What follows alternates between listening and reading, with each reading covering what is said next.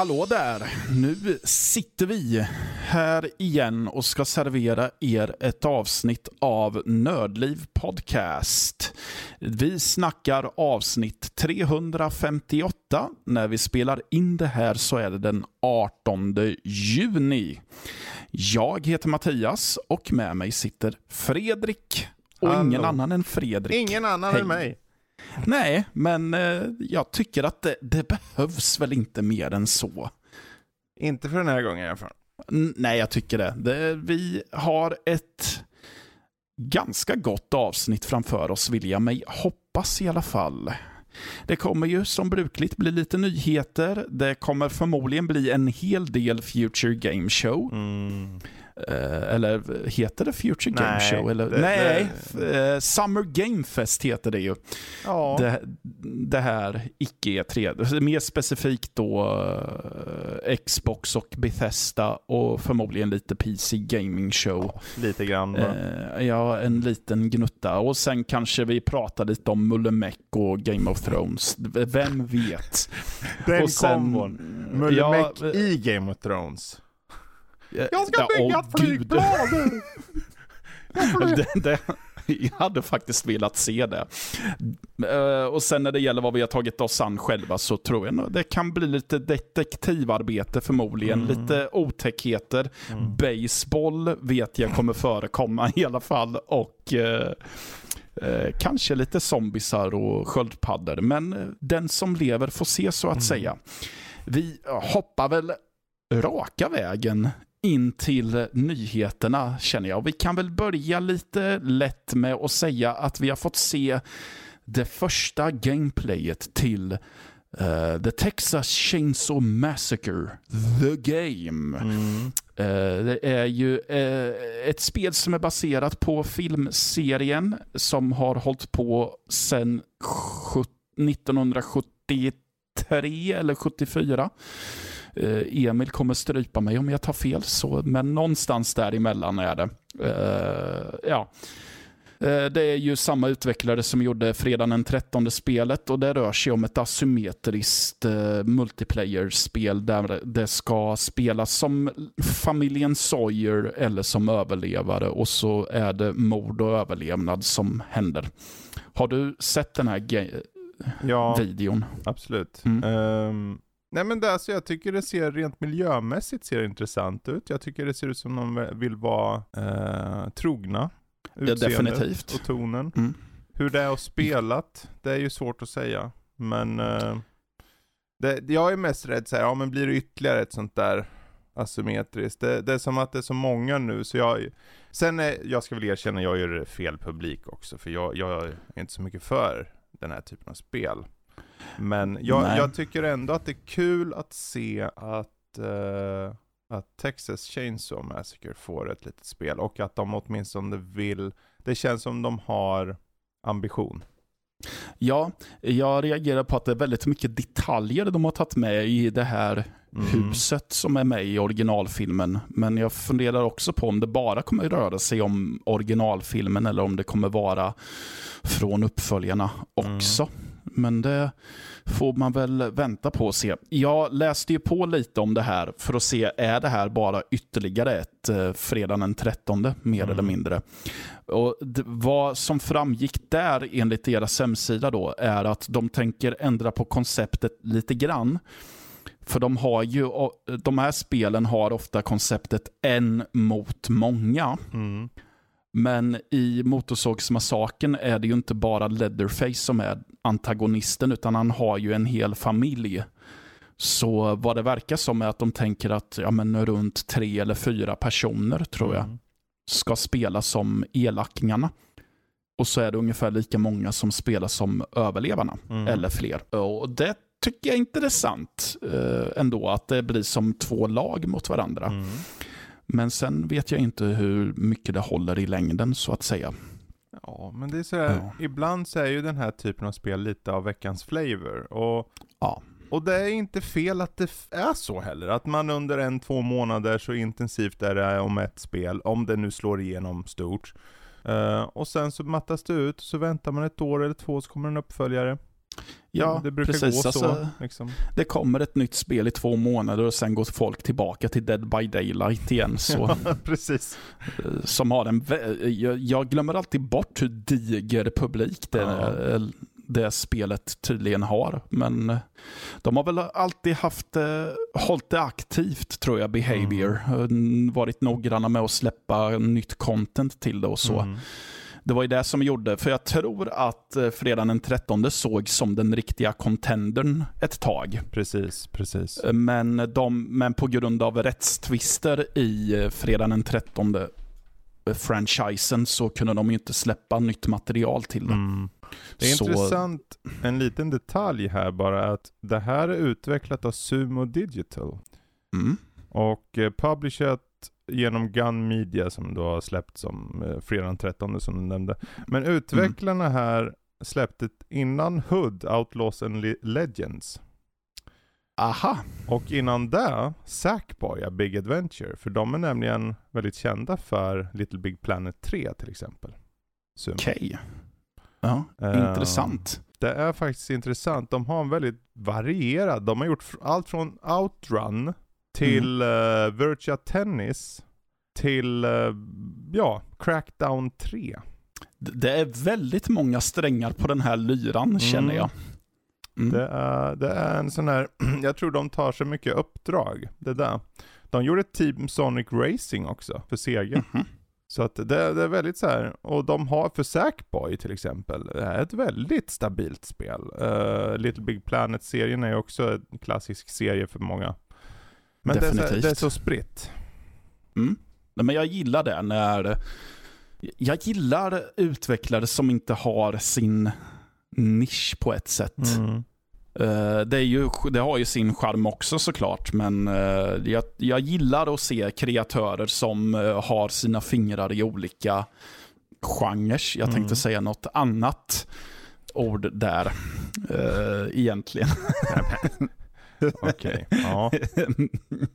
ja, eh, nu försökte jag komma på en segway baserat Ja. på det ordet jag tänkte säga egentligen. Gå vidare bara. Eh, Ja, jag går vidare bara. Eh, vi kan snacka lite reboot här. Mm.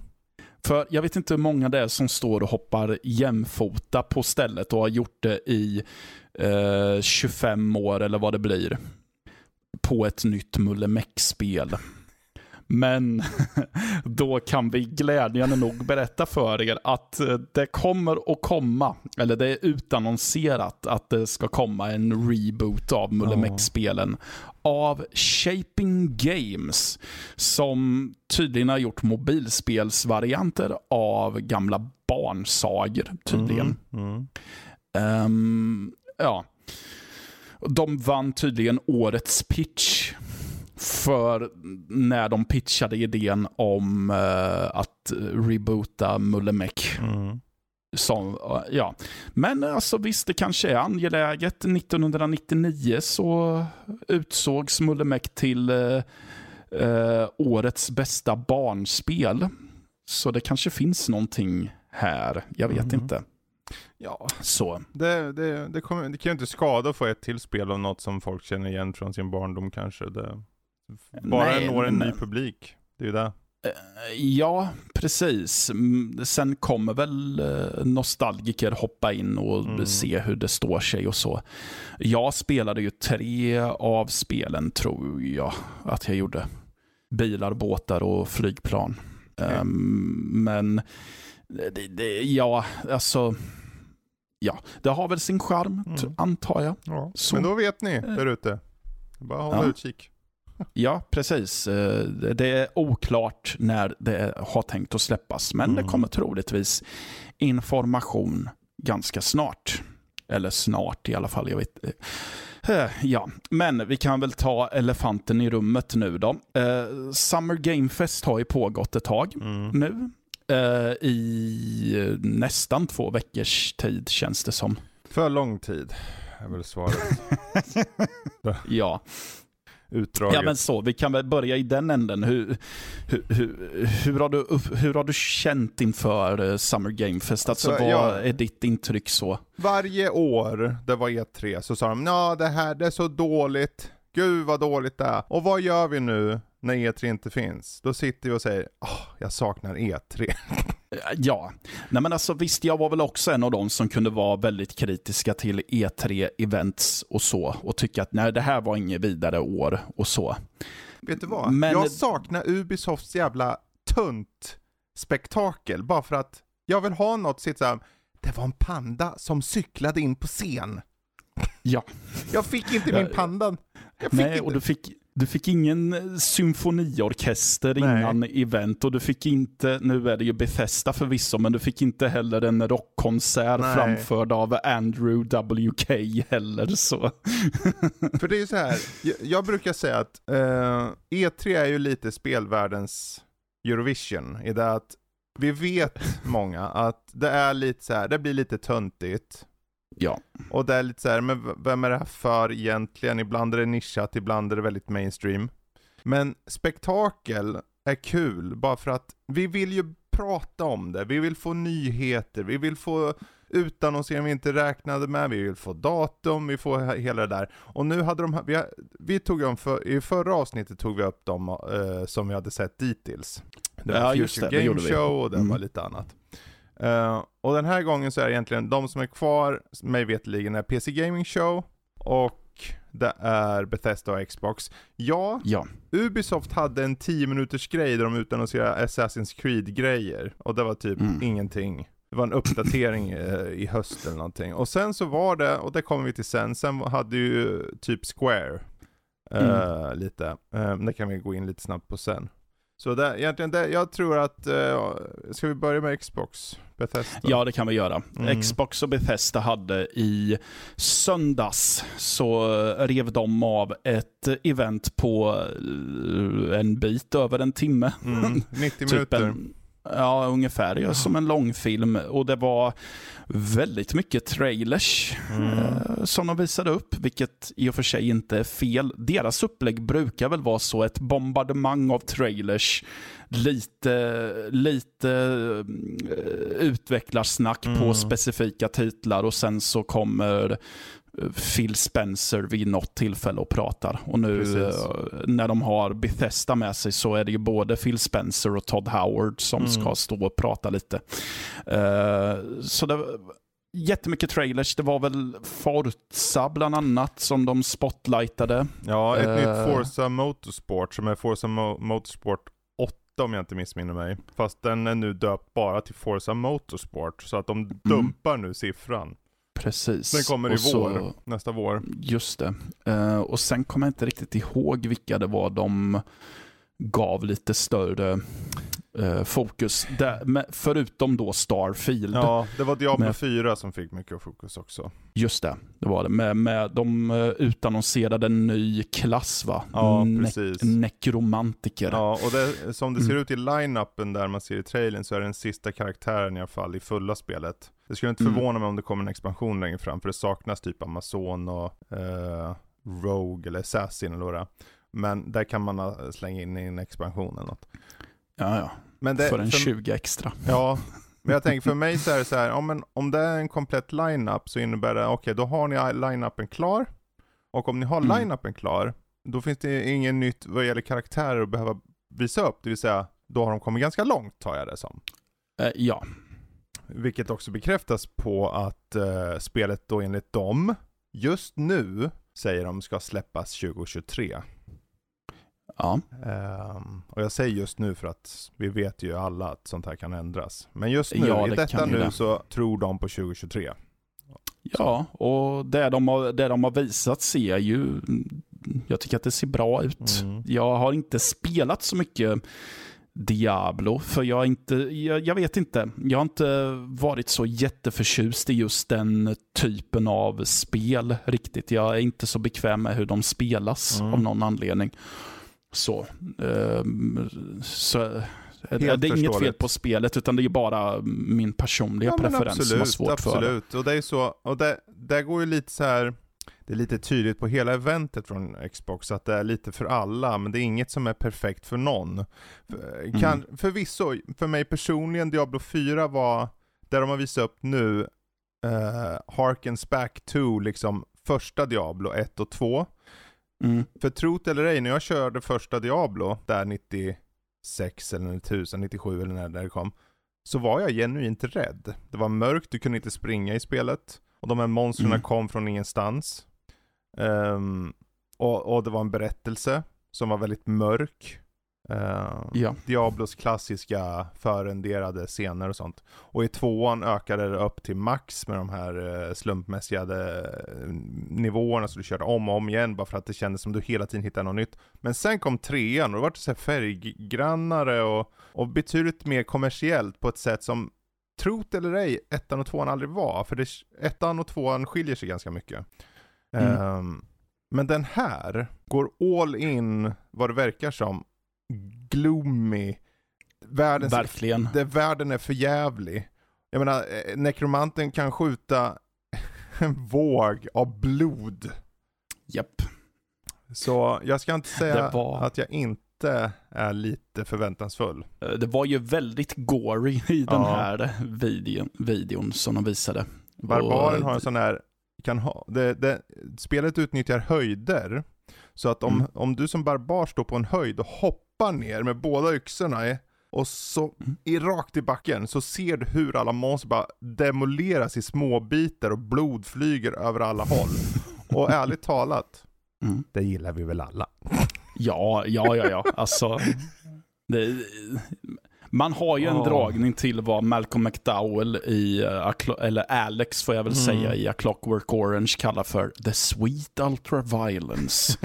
um, men eh, innan vi går till den stora höjdpunkten som var, eh, var det någon hade du någon personlig Mm. höjdpunkt i uh, line-upen som Alltså, de... Diablo var min höjdpunkt.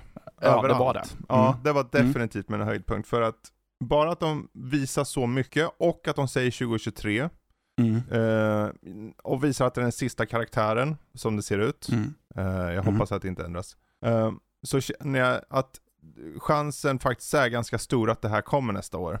Mm. Och när, när det handlar om Diablo, för att hålla oss kvar där, jag ska avsluta det så snabbt jag kan.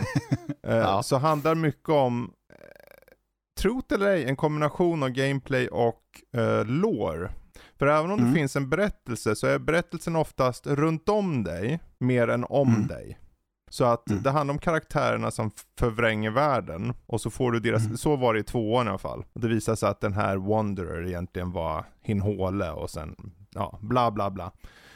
Så här, så att det var en mystik som jag vill se där. Och när jag såg tech-treet, om en väldigt hastigt, så fick Mm. jag åtminstone en förhoppning om att det också påminner om första Diablo. För första Diablo, ha- då fick du hitta böcker och sen när du läste en bok, då fick du Mm. den magin. Men ibland hittar du aldrig en bok. Ibland kunde du vara får- utan. Du, du var så här att där du hittade, där du, den väg du valde att gå liksom, sett till vilka saker du lärde in. Det var så det Ja. var.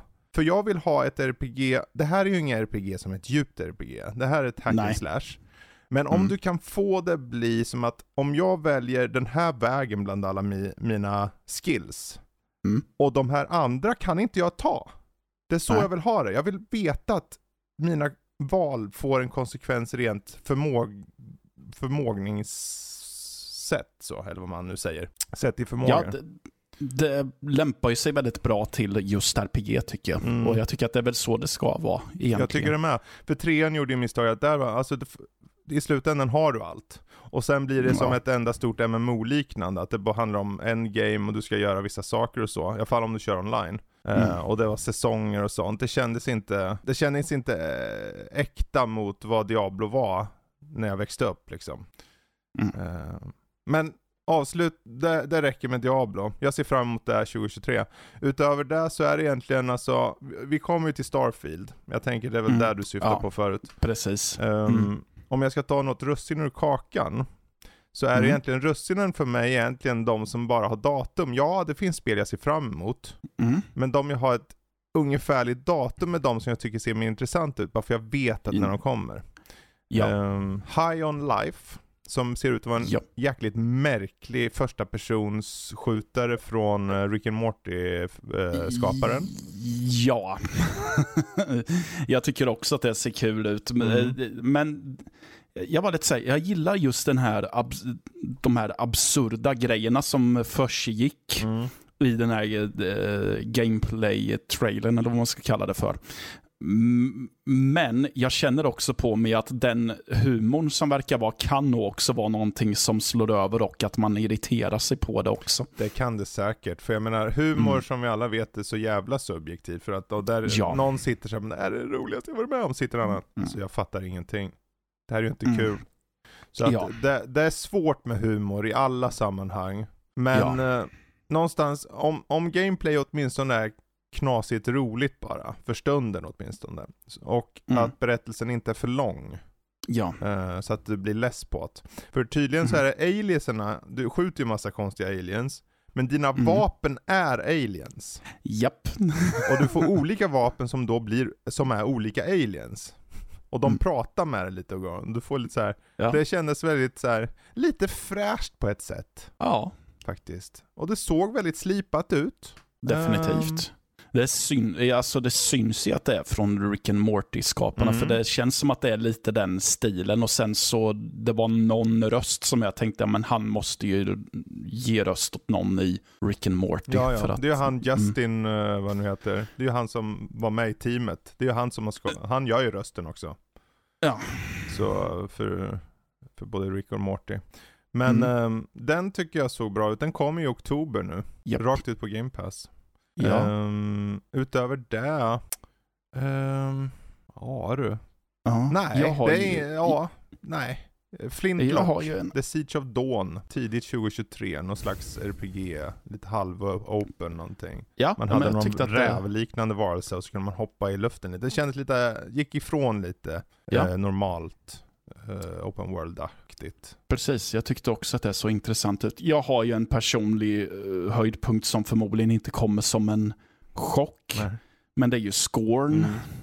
Jag för mig om att det var under Xbox som vi fick se en eh, trailer där Doug Bradley, eh, Pinhead ifrån Mm. Hellraiser, eh, berättade om spelet. Precis. Eh, han berättade ju lite mer då om att vad, inte direkt vad spelet handlar om egentligen, utan mer bara vem du spelar som, Mm. typ.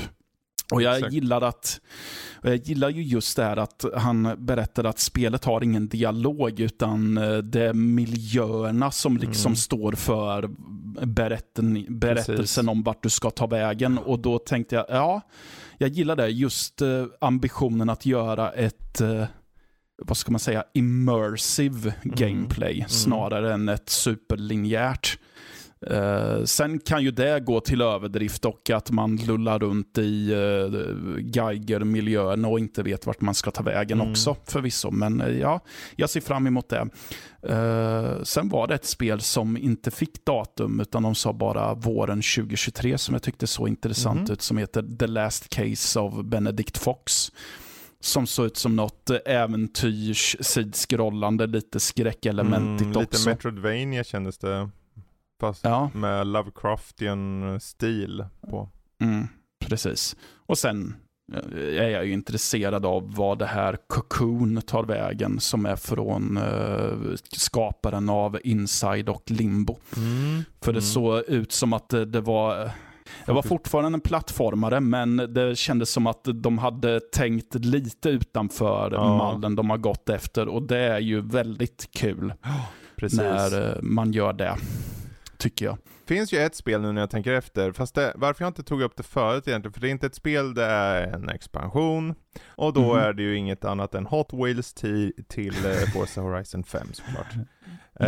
Eh, helt galna banor, och du kommer kunna bygga själv banor också. Sa de Okej. i Extended eh, showcaset som kom på tisdagen därefter. Eh, Mm. De gick även in mer på scoren faktiskt där. Berätta mer om det. Skulle du kanske Ja. kolla upp? Ehm, Ja, det ska jag nog göra ja. Definitivt. Ehm, Eh, har jag drömt det eller har Hot Wheels och Forza, Forza gjort saker innan? Ja, eller det där eh, första gången? Hot Wheels eh, var med i fyran. Mm. Okej, då var det inte en feberdröm. Nej. Ja, men då, 19 juli släpps den här expansionen. hmm, Okej. Och eh, jag Ja. har ju redan den fetaste versionen så den kommer dimpa rakt in. Ja. Rätt in på banken bara. Rätt bara in på att- banken! Bara att sätta sig och brumma sen. Ja, Sätta sig och Ja, brumma, men- sa du det? ja jag sa det. Och du jag vet sa vad det sätta sig och brumma. Ja, jag vet Okej. vad det kan betyda. Moving men... on! ja. Eh, ja, men då har vi ju höjdpunkternas höjdpunkt, ville de väl få det till Mm. förmodligen. Eh, Starfield. Precis. Eh, Todd Howard stod och pratade lite mer in-depth Mm. om detta eh, ambitiösa rymd-RPG. Där Mm. han eh, berättade om hur, ja, men han visade hur, hur karaktärsdesignen kan se ut att man väljer en bakgrund och att det påverkar hur du blir bemött Mm. i omvärlden. Och visade att du kan designa ditt egna rymdskepp, du kan flyga ut med det i rymden Mm. och att det finns så mycket som tusen planeter Mm. att utforska. Eh, Precis. Det är väl bara en liten skrapa på ytan om vad han pratade om. Men eh, ja, Ja, det är ju Vad- mycket... Ja. vad känner du? Är du? Ser du fram emot detta? Eller? ja, jag är lite som Max i det här, vår gode Max som också är i Nördliv. Han, eh, Mm. han sa, jag är återhållsamt förväntansfull. Ja. Ehm, det, är ju- det är ju så här att mm, det är ett Bethesda-spel. Vi måste komma ihåg vad Bethesda är. Eh, det är Yankee, alla deras spel är Yankee, men fokuset är alltid på relativt djup story och Mm. väldigt mycket rollspel, alltså RPG. För Ja. många gick direkt till så här, om det här är som No Man's Sky, det här är som ditten och datten och hit. Alltså det, No Man's Sky är inte ett RPG på det sättet. Nej. Eh, vilka andra spel nu ni än jämför med så måste ni komma ihåg att det är ett RPG i grunden. Där det handlar om förmodligen väldigt mycket dialoger, det handlar om att prata med folk, det handlar om att liksom Mm. eh, få den där biten. Huruvida det är fylligt i, de, de, i den mån att de faktiskt fyller upp de här tusen planeterna med riktigt bra content. Det återstår Mm. att se. Jag vet inte, jag vill, vill inte säga varken bu eller bä för jag orkar Nej. inte lägga någon hype på mig själv och jag orkar inte trycka ner det heller. Ja, det är väl där jag är också och eh, jag tänker ju också på en sak som Mm.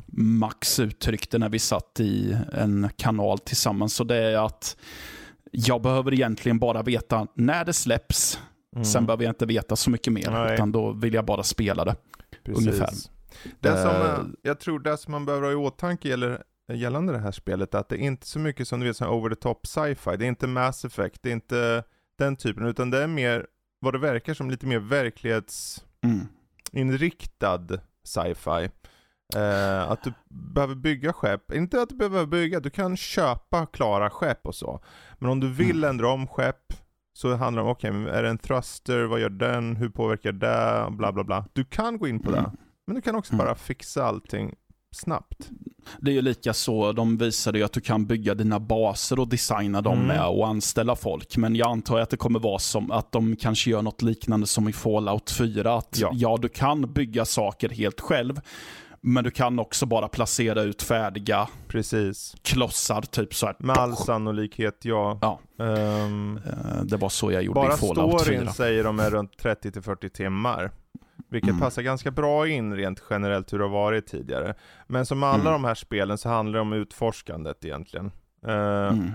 Och om de får in den här spelloopen så som de har haft, så är jag ändå försiktigt optimistisk. Jag försöker ändå vara det. Eh, för jag vet, för mig personligen, Fallout-spelen och eh, vad har de mer? De har Skyrim, alltså Elder Scrolls-serien. Ja.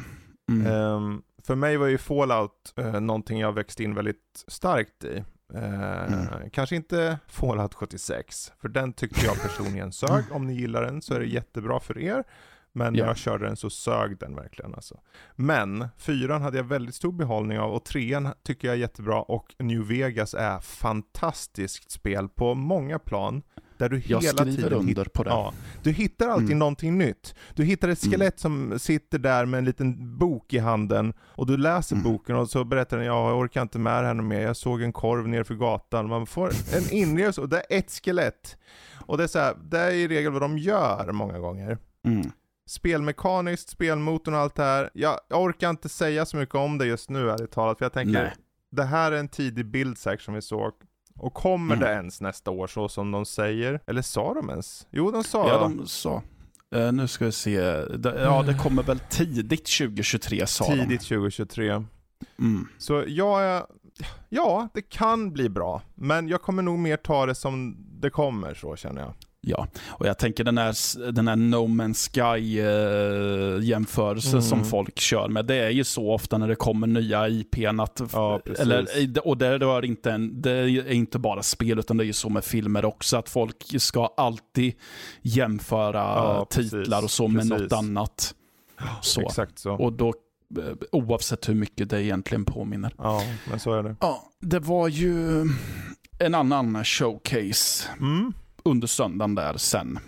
Exakt. Som var eh, i alla fall en halvtimme längre. Ja, Mm. Eh, och då var det PC Gaming Show. precis. Som eh, hade eh, en hel del trailers de också.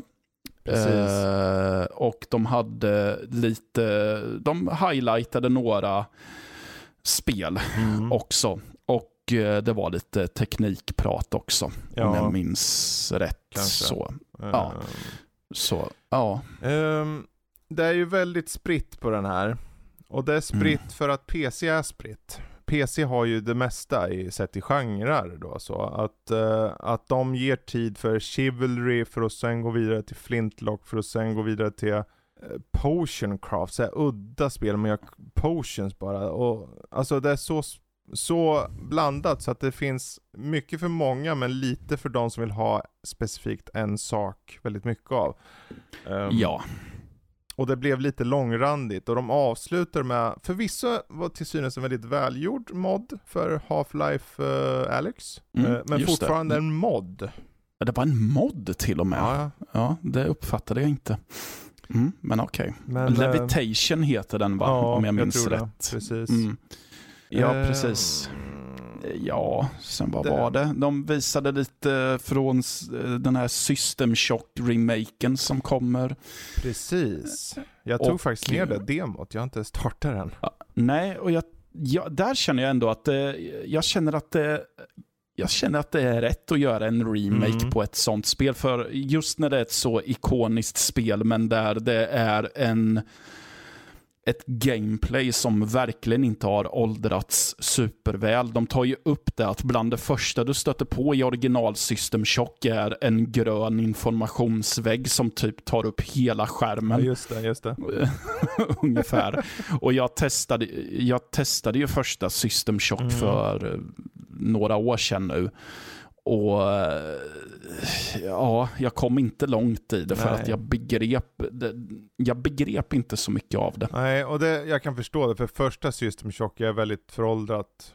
Tvåan blev Mm. betydligt mer, den skulle nog uppfattas betydligt mer modern, för den har väldigt, den har väldigt djup RPG. Du liksom, du, okej nu uppgraderar Mm. poäng på väldigt många olika saker. Mm. Det var därför det vart lite av en, jag vet inte om folk kommer ihåg det, men det var en backlash när Bioshock kom. För att Ja, back, för att det var för mycket System Shock. Eller vad? Tvärtom. Det var Ja. för att eh, idén som folk hade när Bioshock kom var att ja men nu kommer vi få Ja. ett system shock fast det kommer vara under vattnet. Det Ja, kommer just vara under, mm, så. Och sen visar det sig att du Mm. får så här bara små skills när du hade liksom, säg att du har 40 liksom saker du kunde ändra varje poäng så här i System Shock 2. Alltså du kunde ändra Mm. väldigt så här granulärt. Men sen kom Bioshock och var väldigt förenklat. Ungefär som, som du kollar på nya så här Diablo Immortals, det är två knappar du bara trycker så här. Det finns inget djup i det riktigt så. Uh, så kändes det. Men sen visade sig Bioshock vara ett jättebra spel. Det är bara att tiden har förändrats och spelsätten har förändrats och, och så. Eh, Mm. Men de ska, ja det blir intressant att se hur de System Shock. Jag, jag, jag ser ändå fram emot det lite. Jag hoppas att den här remaken eller vad det är för något faktiskt visar sig vara bra. Ja, och så fick vi se, vad var det mer som visades bland annat som såg lite intressant ut. 11-bit Studios visade sitt nya spel, The, The Alters. Just det. Uh, det är ju, för det som inte vet så är det ju This War of Mine och uh, Frostpunk utvecklarna Mm. som gör ett nytt spel som verkar vara i en sci-fi miljö där vi får följa en man som är på en resa tillsammans med alternativa versioner av sig själv. Inte kloner var de viktiga, var de Mm. noggranna med att påpeka, utan det är bara andra varianter av Mm. hans jag i andra universum, Mm. vem vet. Så. Eh, vi såg ju inte så mycket av eh, om man säger gameplay och så. Det var ju inget sånt, utan det var ju Nej, en, nej, nej. bara Nej, en det var ju bara en story-teaser. cinematic grej. Så. Ja. Mm.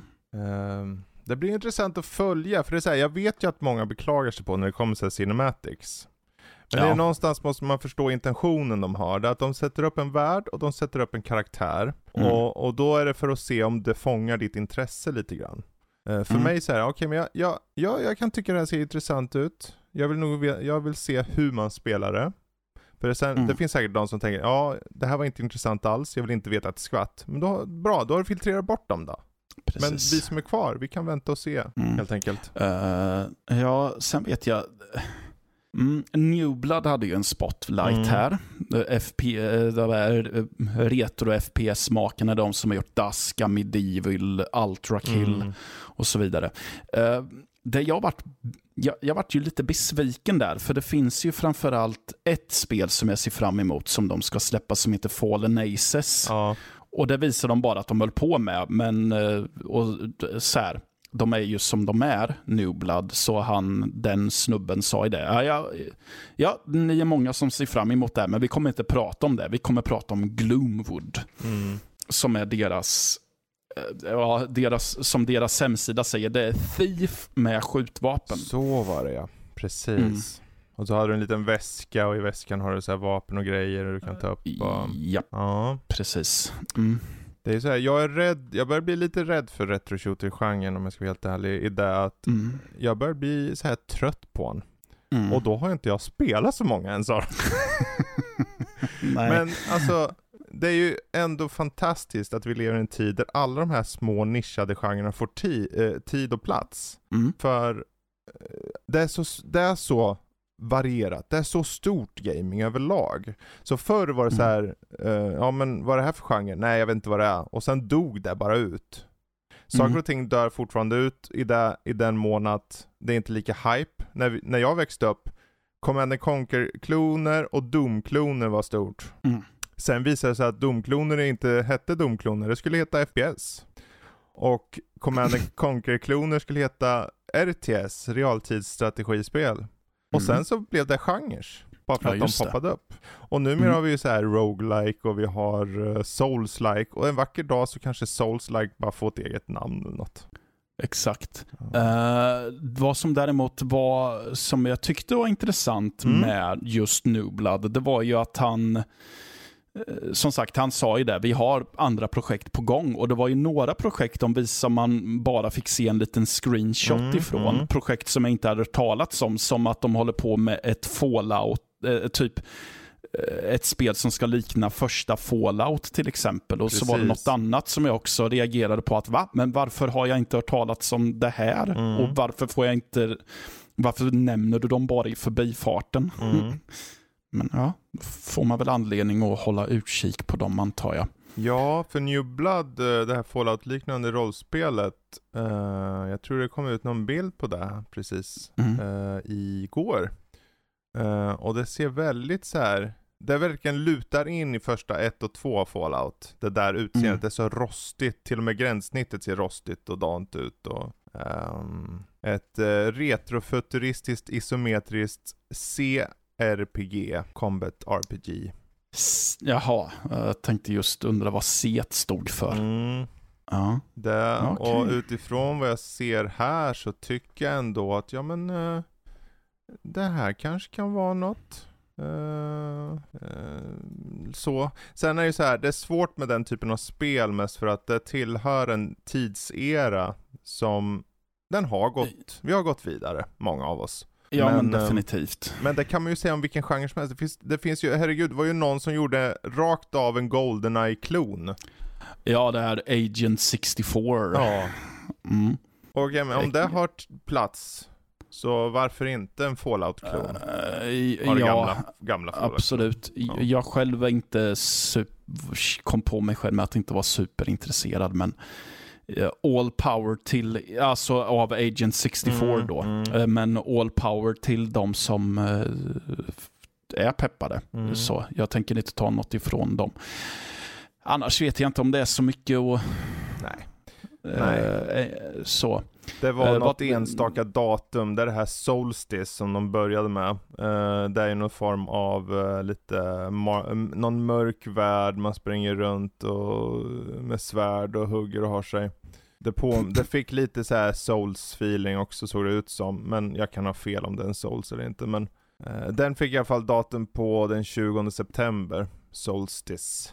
Så om ni mot Mm. förmodan känner till det här spelet, ja, då har det datum. Annars var det inte så jäkla många datum alls faktiskt. De hade Gloomwood som du, som du sa där, den släpps ju i. Early Access 16 augusti. Men än en gång, Ja. det är Early Access, Japp. som resten av deras spel nästan där. Eh, Ja, det, det, alla deras är väl i princip. jag tror det. Ja. Tror det. Ah, ja. Ja, men det Ja. var det. ja, vi tog väl upp vad vi, hur det har känts med Summer Game Fest generellt där. Att Mm. man saknar E3. Ja, jag tror Eh, inte, vi kanske så. inte gick in på djup på det. Jag tror vi, Nej. vi behöver E3. För varför vi behöver Ja. E3 är för att när allting blir så utdraget och ospecificerat Mm. så blir det bara blafs av det. Det blir som att ja, de vet inte riktigt hur de ska hantera det, så antingen mosar de in för mycket som PC Gaming Show, två timmar med saker som var så spritt kändes så här ofokuserat. Och Bethesdas, den var okej, men jag, jag, jag tar det här som att de har gett upp om 2022. Så ser Ja. jag det. Och jag tror de flesta har det. De bara, vi väntar till 2023. 2023, då smäller det. Typ Ja. så, känns det som. Ungefär. Ja det, kän- det, ja, det är ju den känslan jag har också. Och vi har ju pratat om det förut med att alltså vad E3 för med sig, det är ju att det, blir, det känns som att det blir mer fokuserat för att Mm. ramarna är så mycket tydligare då. Mm. Så att det verkligen är som att alla utvecklare, utgivare, whatever, får typ eh, väldigt tydliga förhållningssätt till hur deras Exakt. showcases ska Exakt. vara. Och på så sätt så känns det som att, ja men då gör de det bästa av formatet. Ja, Sen eh, precis. är det ju mycket som är skit där också i och för sig. Det kommer man ju inte undan, men Ja, ändå. Det känns mycket mer tydligare tycker jag. Och eh, det är, Det är inte så här- tydligare. Och det är tydligare i det att när du ska ranta, eller jag ska ranta, eh, du vet man sitter efteråt, så är det så här, Mm. om den här showen var så här och den här showen var så här. Nu får jag ingen grepp om de här showerna riktigt. Jag vet inte riktigt, Future Game Show var den som stod ut bland de andra. Ja. Den hade ganska tydlig, bra fokus, bra eh, hosts. mm, Eh, men överlag har det känts som att de inte riktigt vet vad de ska göra med nej. och Summer Game Fest, den här första som vi pratade om förra veckan, de avslutade med Last of Us, en remake på ett spel som hade fått en remaster och jag, jag undrar mest, vem köper det här tredje gången nu? Säger jag Mm. och kollar på alla Super Nintendo-älskare som köper Super Mario 40 000 gånger om. Eller Zelda Mm. 40 000 gånger om. Eh, folk, ni kan inte klaga på i alla fall att de släpper en remake. Jag kan, jag väljer att inte köpa det. Men jag skulle Mm. inte beklaga på att det kommer. Det är bara att det var svagt i den line-upen kände jag. När de avslutade Ja. med det. Det var inget wow på det. Ja, det var ju nästan, jag tyckte att det nästan var mer intressant att de skulle göra den här standalone eh, grejen eller vad det var. Eh, det här som skulle vara ett, eh, vad var det? Det skulle vara ett DLC först, ett, som ett multiplayer-tillägg och sen så gjorde de Ja. det till ett eget istället. Ja, men, och vart nästan lite så här, men jaha, varför kunde vi inte få reda på mer av det? Men Nej. jag fattar ju att de tycker att eh, remaken är en hetare potatis förmodligen. Jo men absolut. Mm. Jag kan förstå det också. Det, Ja. Vi, bara- vi är så förstående här, ja och vi är ju det. Mm. Men på Ja. det stora hela, vi kan ju inte klaga på att vi fick relativt fokuserat med trailers under en, två, tre veckor eller vad Nej. Eh, Det är bara att det kändes som att de här mindre hade inte riktigt de hade inga titlar. Devolvers var ju ett skämt på många sätt och på många Ja. nivåer. Ja. Eh, Ett väldigt tråkigt och oroligt skämt. Eh, Ja. Även om det fanns titlar som var intressanta. Ja, det, det var ju ändå ett, eh, en positiv grej med PC Gaming Show. För att var det förra Mm. året och de hade att en robot tog över Ja. världen och grejer. Och det bestämde, det gjorde de ju klart i början att det skrotade de. Ja. De gick bara trailer till trailer, så hade de, ibland hade de lite utvecklarsnack med utvecklare, och så gick de vidare till en trailer. Det var väldigt fokuserat på det sättet, bara att Mm. de hade inga de hade inga riktiga spel som drog in dig, för att PC-spelen där, ibland var de så nischade, så att Mm. eh, det var så här, ja det här vet jag inte ens vem det är till för. Sådär ibland. Ja, Eh, precis. Ja. Men, eh, ja. Eh, Djupt snack om Arma 4. Åh ja. gud. Victoria 3 liksom. Och det, ja, ja. All respekt för Victoria-älskare. All respekt för Victoria-älskare. Mm, ja, men du vet Smaka på- kronprinsessan nej, har väl nej, sin... nej, nej, nej. Bruntelius Mumsman. Det är ju Ja, faktiskt, det här är ju en uppföljare till ett spel som kom för 12 år sedan. Åh, hoppsan. Ja. Och det är Paradox, det är Grand Strategy. Det de som älskade förra fick sig en kul surpris. Ja, definitivt. Men Paradox ses väl som några slags giganter i genren. Tror. Absolut. De är väldigt pålitliga. Och de, deras Mm. spel, man kan tycka vad man vill om genren. Det är inte min typ av genre. Även om det är så här turbaserade så här politik och ta över länder och det är så här få din kung att gifta sig med den här drottningen så att du får dvärgar som, alltså barn som ja. Där, jag, jag glömmer helt bort att jag internt säger dvärgar för mina barn. Utan Mm. att någon vet om det kanske bland lyssnarna. Men, eh, så jag säger dvärg för barn. Men eh, det, det, jag tror det blir pålitligt. Men överlag, Mm. nej, jag hoppas på E3 nästa år. Det gör vi allihopa. Mm. Och det har ju ryktats om det. Eh, Jag kommer på att det var ju som en lite, en, en liten nugget kom ju Mhm. också. Som du nämnde förut. Det var ju Square som eh, har Final Fantasy 7 som, eh, där jag Mm. vet att folk står och hoppar jämfota över. Absolut. När kommer, när kommer uppföljaren till eh, Fan, Final Fantasy 7 Remake? Den kommer nästa vinter, skriver de. Ja, Eh, och då kan man ju tolka det lite som man vill. Eh, och den, eh, vi kan ju ta det lite så här. den heter ju Final Fantasy 7 Rebirth. Och det är alltså Mm. Remake Part 2. De visar också upp att det kommer finnas en, det finns en, en, en icke utnämnd Part 3 då, som förmodligen heter Regirth. Nej, den... Regirth. vad Va- hette första delen? Den hette bara Final Fantasy 7 Remake. Jaha. Ja. Varför heter... Jaha, eh, jag tänkte fråga varför den här heter Rebirth, men jag kom på att det har säkert någonting med vad som händer i eh, den här delen i storyn, antar jag. Det som är intressant här, att de tar, om man kollar trailern, vi ska inte gå in på det för jag är inte någon expert. Jag har kört igenom första remaken, och remaken till skillnad från originalet tar egna vägar. Alltså det är en reimagining kan man säga. Tog Eh, inte originalet egna vägar? Jo, Eller? men att remaken gör en egen grej ja, då. eh, ja, jag förstod det. Det lät lite... Ja, Regirth 2025. Ja. Nej. Eh, precis. Nej men den här, det, det, ser, det ser lovande ut uh, utifrån trailern, man får ju se både Sephiroth och Cloud och de springer runt och det är uh, fjädrar som ramlar ner till marken och det är endgame Mhm. gre- situation.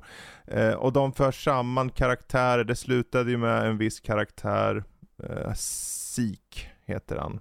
Som möter, ja alltså det, det, är, det är ganska convoluted berättelsen. Det är ingen idé för mig att försöka sammanfatta för det går så många, du måste spela det för att se det.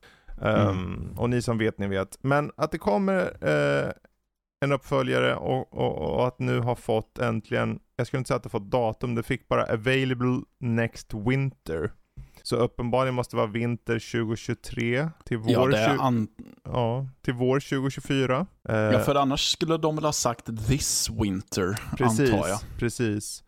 Eh, Mm. Och det kommer enligt den där trailern i alla fall, PS5 alone. Bara PS5. Oh, se Mm. där. Mm. Eh, ja, men de visade ju även upp uh, någonting som heter Crisis Core, Final Fantasy 7 Ja. Reunion. Precis. Det var ju också en titel. Ja, de gillar sina titlar i Japan. Eh, det här är egentligen en PSP-titel som nu Okej. får en remaster. Och ehm, det är väl egentligen då, det, det nu spelar sig, om jag har förstått det rätt, innan Final Fantasy 7. Mhm. Alltså Final Fantasy 7 remaken kommer det väl då ungefär antar jag. Och då följer man eh, bad guyen Sephiroth och Si- Zack, Zack heter han, inte Sik, Zack. Och någon som heter eh, Angel någonting. Eh, det är typ, eh, ja, lite en prequel kan man säga då. Vi älskar ju Mm. prequels här. Eh, Ja, ja, det, vi, vi gör ju det. Men det är liksom, det, den, den, jag vet inte riktigt, den kommer till Xbox, uh, Xbox Series X, uh, Switch och PC och Playstation, All, allting alltså. Och det, det ser mer ut att vara en HD, alltså HD-upplösning den har ökat i HD-upplösning, bara liksom så här uppdaterade 3D-modeller, lite bättre voiceovers och ny musik och lite sånt. Um, de, alltså Square säger såklart att det här är mycket mer än bara en simpel HD-remaster. men eh, samtidigt det- det- är det, det- samma spel från PSPn. Och PSPn är en handhållen bara enhet som inte hade den bästa eh, hårdvaran. Eh, jo, för sin tid, men kanske inte nu. Är det någon utgivare eller utvecklare som skulle erkänna att det här är bara en HD-portning? Jag skulle, Eh, jag skulle inte säga att de skulle säga så här, det här är bara en. De skulle aldrig säga något då. Det är det. Nej. Så, Mm. Som det kom så här Age of Empires HD Remaster eller HD version eller en, vilket var det? Det var ju något eh, Zelda-spel, det här Zelda-spelet som släpptes i våras eller vad som var en eh, HD-version bara nästan. Det var lite så här quality of life grejer, men överlag var det egentligen HD-version. Och då gjorde de Mm. en stor del av, en stor grej av det. Men de flesta gör ingen stor grej av det. Högre Nej. texturer. Högre Yay. texturer. Ja. Högre, res, högre re, texturer. Regirth. Nej. Regirth. Ja. Var det ett datum på uh, Regirth? reunion? Ja, på, nej, på reunion-grejen. Ja, eh, Reunion kommer den här vintern. Eh, Jaha, Så okej. att eh, vi får någonting varje vinter då. De skrev Ja. available this winter. Precis, så man får, ni får välja det i vinter. Antingen går ni i, i det eller så spelar ni Crisis Core. Eh, helt enkelt. Eh, Frågan är ju hur mycket finare texturer det kommer att vara när eh, Dragons Dogma får sin uppföljare Dragons Mm. Dogma 2, som den heter just nu i alla fall. Jag har inte så bra koll på vad Dragons Dogma är. Jag vet att det är ett action-RPG Mm. som jag tror folk spelar och tycker om. Och det får nu tio år efter att eh, det har släppts så utannonseras en Ja, uppföljare. Har du bättre koll på vad detta Alltså, det är är? ett- eh, typ hack and slash rollspel. Typ. Mm.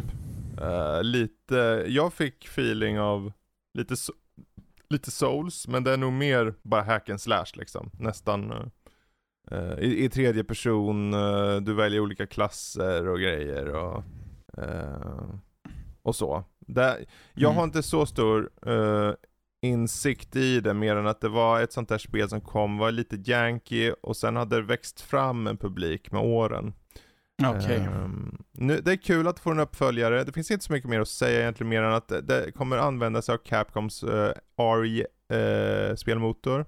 Eh, och det, om inte jag missminner mig, är ju då Resident Evil Village och, och sådana spel som har gjort den, uh, använt sig av den motorn. Så att, och de spelen är, det är faktiskt ganska snyggt. eh, Mm. Resident Evil Village. Så att Ja. jag tänker, det är en bra boost för att Dragon, Dragons Dogma för sin tid var lite mm, jag tyckte personligen det såg ganska så här ruttet ut. Mm. Men eh, det kanske blir en bra boost. Jag vet inte, det, det är bara ett utannonserande så vi vill bara vänta och se. Det är bara vänta och se. Precis. Eh, ja, Ja. vi kan ju avslutningsvis då. eh, innan vi stänger dörren till Mm. nyhetsredaktionen, så har det, ja, vi tycker ju som sagt om prequels.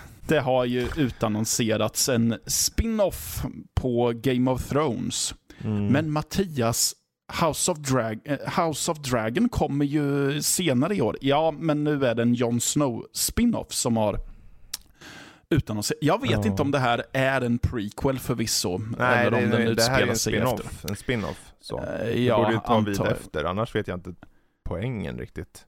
Ja, och eh, alltså... För jag menar, vi fick ju se han som ung i början av Game of Thrones och sen så mot slutet så fick han hela sin resa. Vad ska han vara, typ 12 år springa runt liksom om det var en prequel?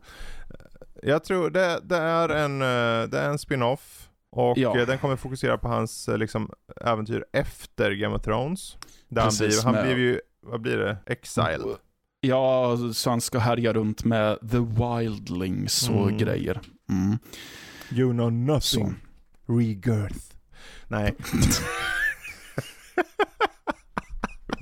Jäkla regirth. Ja, för den här, eh, för den här artikeln. Regirth.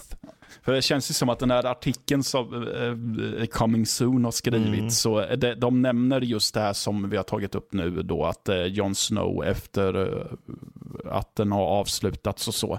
Sen pratar de ju om att House of Dragons kommer och att det är en prequel som utspelar sig 300 år innan Mm. första säsongen av Game of Thrones Precis. i alla fall. Eh, Eller hela serien, men jag sa första säsongen för att det borde ju vara typ först. Mm. Sk- Skitsamma. Uh, den- jag vet inte. Den är jag, jag är faktiskt väldigt ointresserad av House of Dragon. Ja, alltså, jag sa ju det till dig eh, off mic förut, att jag hade ju glömt bort att det här var en grej, fram tills det var en kollega som vid fikabordet sa Mm. att hon tittar på Game of Thrones igen eh, inför att eh, House of Dragon ska komma. Mm. Och jag tänkte, det, det jag tänkte på mest är att, men alltså, House of Dragons ska ju utspela sig 300 år innan Game of Thrones. Så vad är det då du känner att du behöver vara up to date kring? Mm. Jag vet inte hur mycket referenser som görs till vad som hände för 300 år sedan och så. Ja, det är ju men, en del ja. referenser, jag vet inte om det, det är mycket, eller rättare sagt, det är väldigt mycket referenser. Huruvida de referenserna som görs är relevanta för House of the Dragon, det återstår Ja. att se. För de, det här är, jag vet inte ens om det här är något han, vad heter han, George R. R. Martin har skrivit som bok eller något. Jag har ingen koll på det. Mm.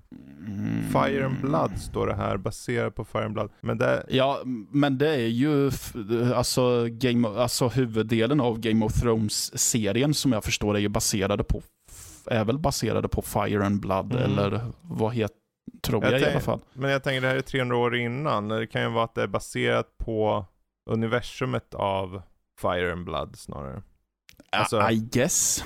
Oavsett. Ja, House of the Dragon, I don't care. Och där får väl de som bryr sig, eh, kul för er, titta på. Uh, Jon Snow, om vi återgår till den här sista grejen här. Ja, Det, det, hade det varit någonting faktiskt som jag kan tänka mig i så fall att se så är det väl den här med Jon Snow. Ehm, ja. för att den fortsätter efter och då är det så här fritt. Då kan de göra lite vad de vill. Jag är med så här, men vad ska det handla om? Ja, förutom. Jon Snow då uppenbarligen. Ja, alltså om man säger så här, det hotet som är i eh, tv-serien är ju borta. Mm. Vet du vad? Tänk vad det skulle Ja. vara udda om den första säsongen avslutas med att han blir halshuggen. Du vet ja. som första säsongen med Sean Bean liksom. Eh, Ja, exakt. Och sen fortsätter det bara så här Game of Thrones Snow Edition och man bara Men han är ju död sedan tre säsonger tillbaka. Men det handlar, alltså om, Ja. det handlar ju om hans syssling. Det vet du väl? Hans syssling, du vet han med ett sne, snett öga som säger gurgle gurgle var tredje mening. Och Eh, regirth. den, ja, alltså, ja.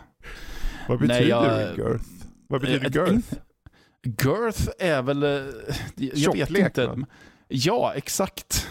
Regirth. Eh, Om, typ om, omfång tänker jag ungefär. Eh, ja, ja, men jag Nej. brukar ju alltid, Jag brukar alltid höra ordet girth i eh, väldigt opassande sammanhang Nej. för det mesta. Så. Okej, då vet jag inte om jag skulle tjata om regirth här. Vad, regirth? alltså- är det återgirth? Att man får tillbaka? Ja, vi ska inte gå in på det här. Det, låter, det kommer att leda till fula vändningar. Jon Snow, ni Ja. som vill, ni kan titta på det när det kommer. Det kommer komma någon vacker Ja. dag, kanske. Ja, det kommer det göra. Eh, ja, men då så. Då stänger vi dörren till nyhetsredaktionen Mm. och ta- tackar dem så mycket för deras fina rapportering. Eh, Va? va? Ja, nu gör jag så här. Jag håller en pistol och så Ja. snurrar jag så här. Eller en pistol, en revolver. Och sen Ja. snurrar jag på den där cylindern va? Och så får Ja, vi se om ja. det kommer ett skott här. Ja, jag är precis på väg till eh, det som du refererar till där. Det är ju dags för en lek som vi har kört ett tag nu som heter Game Mm. Pass Roulette. Och Ja. Det går helt enkelt till så att vi öppnar upp eh, Xbox-applikationen på våra datamaskiner. Och så scrollar vi ner och hittar en eh, grej som heter eh, Överraska mig. Mm. Och vi snurrar på den tre, vi snurrar på den tär, slår den tärningen Mm. tre gånger. Och slumpar fram tre spel och så får man välja vilket av de tre spelen Mm. man vill spela. Förutsatt då att man inte har spelat dem innan. Mm. Och så tar man upp det nästa gång man är med i Ja, podden. precis. En kul grej. Vi får se hur kul det är sen när vi pratar om Super Mega Baseball 3 som vi båda fick förra gången. Ja, vi sen. fick ju det båda två förra gången. Men eh, jag tänker att vi eh, Ja. börjar väl med att slumpa fram nya spel. Mm. Har du någon typ av anteckningsgrej Jag- framme? Jag kommer förbereda och sitter med anteckningar så vi vet vad vi har att välja mellan. Eh, Ja, vem börjar då? Jag eller du? Jag tänkte att du skulle få börja. Okej, yes. Så jag ska slumpa åt dig här. Ja, Eh, är du redo? Du ser allt redo. som du ska, eller? jag ser eller? allt. Fenomenalt. Det blir super. Du, du ser allting. Jag ser Då allt. har vi först. Doom, Doom 2 antar jag att du har spelat. Det har jag aldrig kört för. Nej, det, det har inte det. Jo, jag har kört. Jag, jag tänkte Jag har kört snoret ur den. Det var Doom 2 Classic. Ja. Chorus. Tyvärr har jag ju kört lite av det, det var inte mycket. Mm. Mm. Jag hade velat haft med det, för det? hade jag valt Ja. i så fall. För det hade, det hade jag tänkt återgå till. Men eh, den Ja, har jag det, kört. det är ett bra spel faktiskt, Mm. tycker jag själv. Eh, lite förbisett tycker jag nästan. Mm. Här har vi Medieval Dynasty. den, den fick ju norsken. Så Mm. han pratade ju om den. Jag tänker, vi kanske ska skippa sånt som någon har precis pratat om för någon vecka sedan. Absolut, då snurrar vi igen till Aragami 2. Okej, ja men Ar- jag har bara kört första så. Aragami 2 skriver jag med här. Ja, det ser Mm. ut som något... Det är eh, stealth-aktigt spel. Så. Oh, Stealth-Fredrik. Ja, det gör det. Sneaky-Fredrik. Har du spelat ett spel som heter Lethal League Blaze? Eh, nej, det låter som något multiplayer kanske, men det, ja okej. Mm. Ja, det får vi se. Och så har vi då tredje spelet då. Där har vi Dragon Ball Fighters... Fighters Z? Fighters Z ska det nog vara. Den där Fighters har jag faktiskt tyvärr testat på. Okej, Eh, och då har vi tyvärr. ett nytt försök. The Evil Within 2 har jag 2. kört. Mm. Eh, så har vi Serious Sam 4. Den har jag kört. Eh, då tar vi eh, Skyrim har du kört va? Japp. Ja. Eh, Crisis har du kört. Oh ja. Mm. Warhammer 40 000 Battle Sector. Nej. Mm. Alltså, det är ett strategispel. Okej. Mm. 40 000 Battle Sector. Alltså, så fort jag tycker att jag har fått kläm på alla Warhammer-spel som finns så visar det sig att det alltid finns en myriad till Mm. som har hållit på länge tydligen. Så jag har nästan gett upp i att försöka hålla koll. Ja. Jag kan säga så här, jag, jag, tar nog och dumpar från starten här Lethal League, för den luktar uh, flerspelarläge bara. Ja, eh, så då, då är det lite så här, okej, The Battle Sector mm. eller eh, Aragami 2. Och Aragami körde jag faktiskt första på och tyckte det var okej. men jag kommer nog chansa faktiskt på Warhammer istället. Oh, spännande. Ja, eh, för att den är mer unknown för mig. Medan Aragami 2 har fått ganska bra kritik. Den Mm. första spelet var väldigt bra enligt många. Mm. Eh, så jag kör på Warhammer 40K Battle Yes. Sector. Så får vi se vad tusan det är för någonting. Spännande. Ja, då är det väl min tur då. Yes, yes. Då ska vi se, då slumpar jag åt mig själv här. Mm. Det första förslaget är Descenders. Yes, mountainbikespel. Ja, precis. Men kom inte det här relativt samtidigt som det är Lonely Mountains Downhill? Jo, det kom relativt samtidigt. Om det inte var att Ja. det till och med kom innan fast i early access eller något. Men Ja, eh, för Lonely Mountains har jag kört, men jag har inte kört Descenders. det här är mer i första person om jag minns rätt. Okej. Mm. Så det kan vi ta som ett förslag. Mm. Och då ska vi se, nästa är Mass Effect 3. Okej. Ja, Eh, nej, jag har inte kört just trean. Jag har bara kört första Mass Effect, så jag vet i... oj, det här var svårt. För att det Ja. innebär att du får hoppa tvåan. Ja, Jag skulle nog säga att eh, vi räknar bort den, du har kört första. Får du en vacker dag tvåan, så Ja. fine. Då kan du ta den. Ja. Men här var trean. Vi Mm. skippar den för den här gången. vi skippar den. Ja. L- ja, ja, nej, jag har inte kört Lethal League. Lethal League Blaze. Blaze. Han vill verkligen vara med. Ja, ja men alltså det, det brukar vara så med just när vi kör från min så är det Mm. väldigt, alltid något spel som återkommer. Ja. Jag har väl en väldigt en, envis eh, Game Pass-app. ja, precis. Eh, då har vi nummer tre är One Step from Eden. Men Ja. det, det körde jag du om. här om veckan så jag tänker det, det är Ja. väl lite tråkigt att upprepa oss. precis, jag var, var ju med när du pratade om det. Panzer Corps 2 har jag inte kört, nej.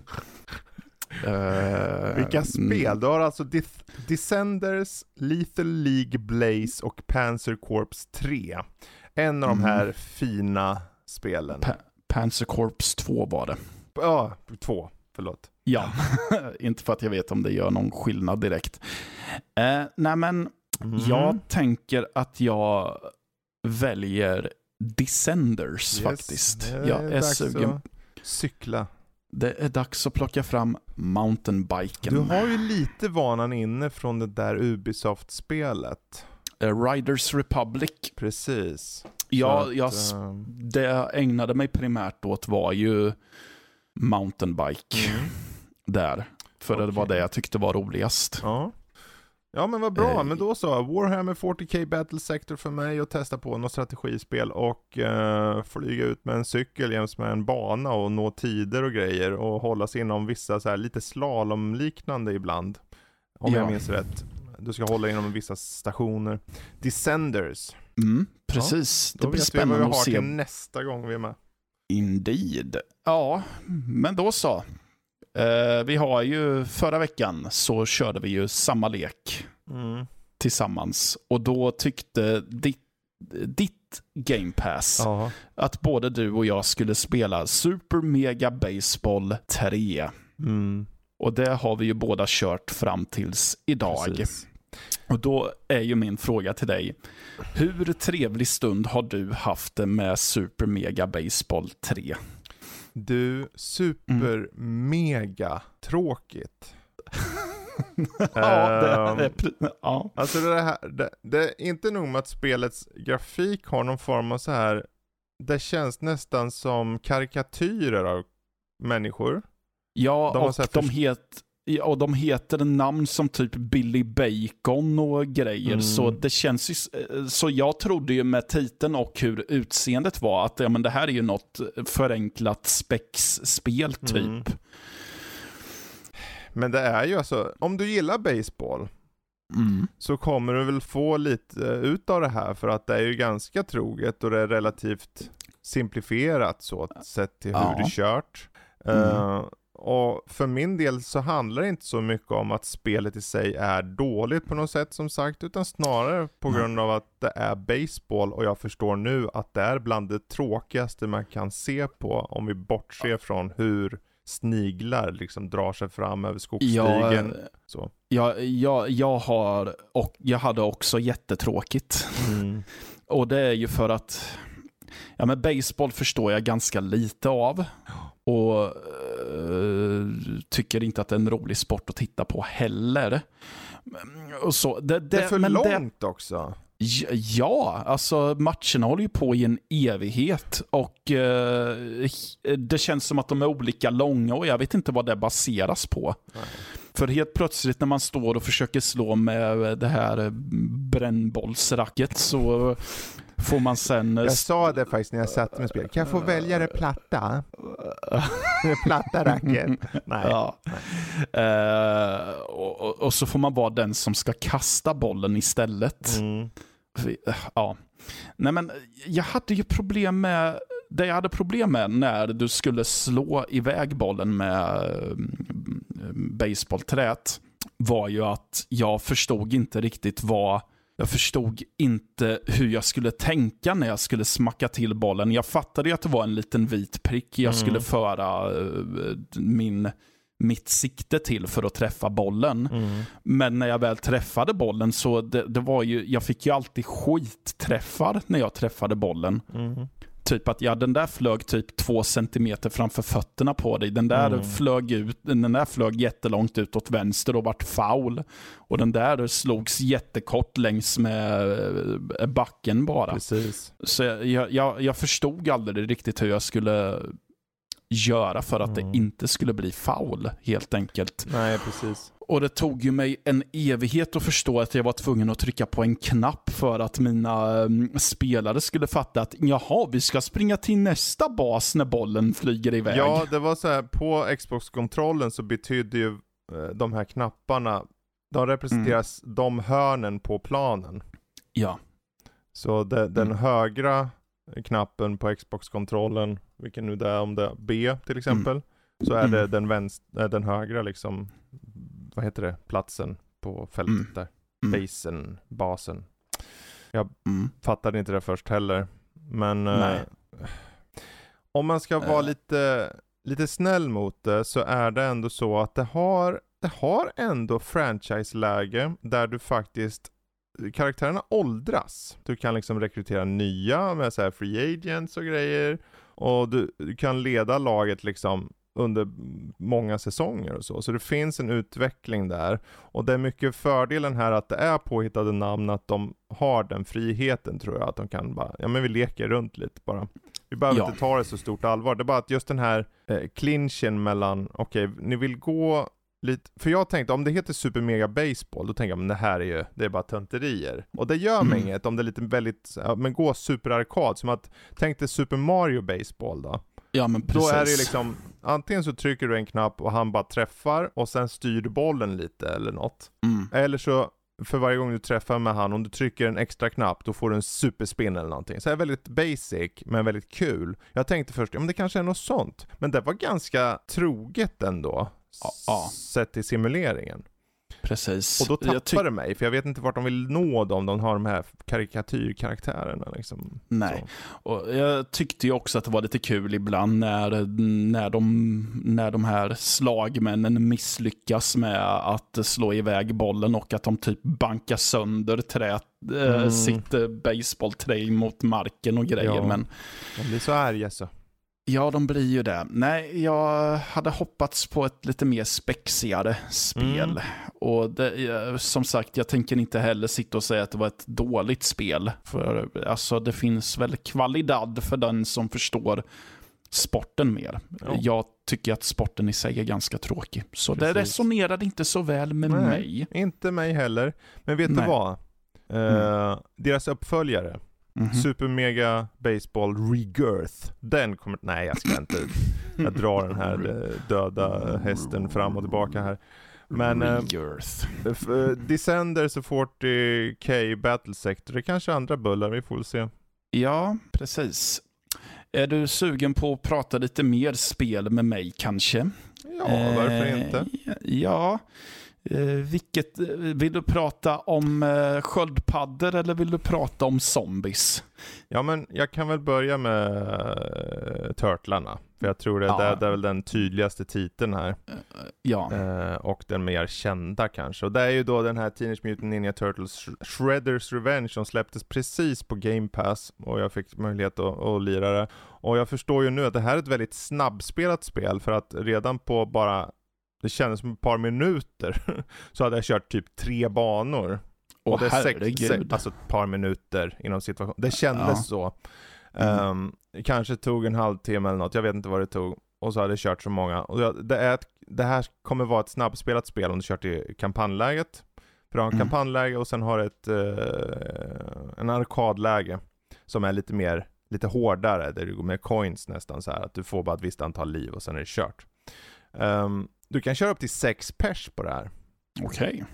Och eh, animationerna är så här väldigt unika för, ka- per karaktär. Det har ju den här färgglada Turtles-utseendet, klassiskt, så som det var förr då. Eh, Mm. Fast högre upplösning och eh, välanimerat och så. Och jag körde, jag körde merparten som den gode Splinter. Jag var alltså Ah. råttan i dramat. Mm. Eh, Råttan. jag var råttan. Råttan Ja. Rebirth. Nej! Jag, jag måste sluta med den jävla Rebirth. Men det, alltså det, är, det är i grund och botten en brawler. eh, på alla sätt och vis. Eh, och den vill inte vara något annat heller. Den försöker inte Mm. vara något annat. Den vet exakt vad den är. Och kör Det var... du tre timmar genom hela kampanjen så då tror jag man blir ganska nöjd. Jag ser Mm. ingen, det, det är ett kompetent, snyggt, välljudande spel som bjuder in till att köra med vänner. Det gör ingenting nytt för brawlers. Varje karaktär har en, minst en unik slaggrej så här typ. Mm. Eh, en, en sköldpadda kan hålla in och få en bättre räckvidd och en annan kan joddla och jag vet inte vad de kan. Men det är så. Ja. Eh, jag tänker också att det är många som undrar hur mycket kawabanga och hur mycket pizzor är det med det, i finns, spelet? det finns så det räcker för alla om vi säger så. Med både kawabanga och pizzor? Oh ja, oh ja. Ah, Okej. Mm. De, de lutar in, de har tecknade liksom, segment mellan eh, delarna, alltså mellan de här uppdragen man vill kalla det. Och, och Mm. det är lite som en slags O-world över typ, vad är det, New York eller något. Och sen så är det så här, då är det lite så här puttinuttigt utseende på stan och så är det en liten, deras, den här, de har någon van eller vad det är för någonting, så åker du till Mm. punkt ett och sen två och tre. Eh, och det ser sött ut, det är fint, det är, väl, det är väldigt snyggt. Ehm, men det är också det, det, det är inte mycket mer.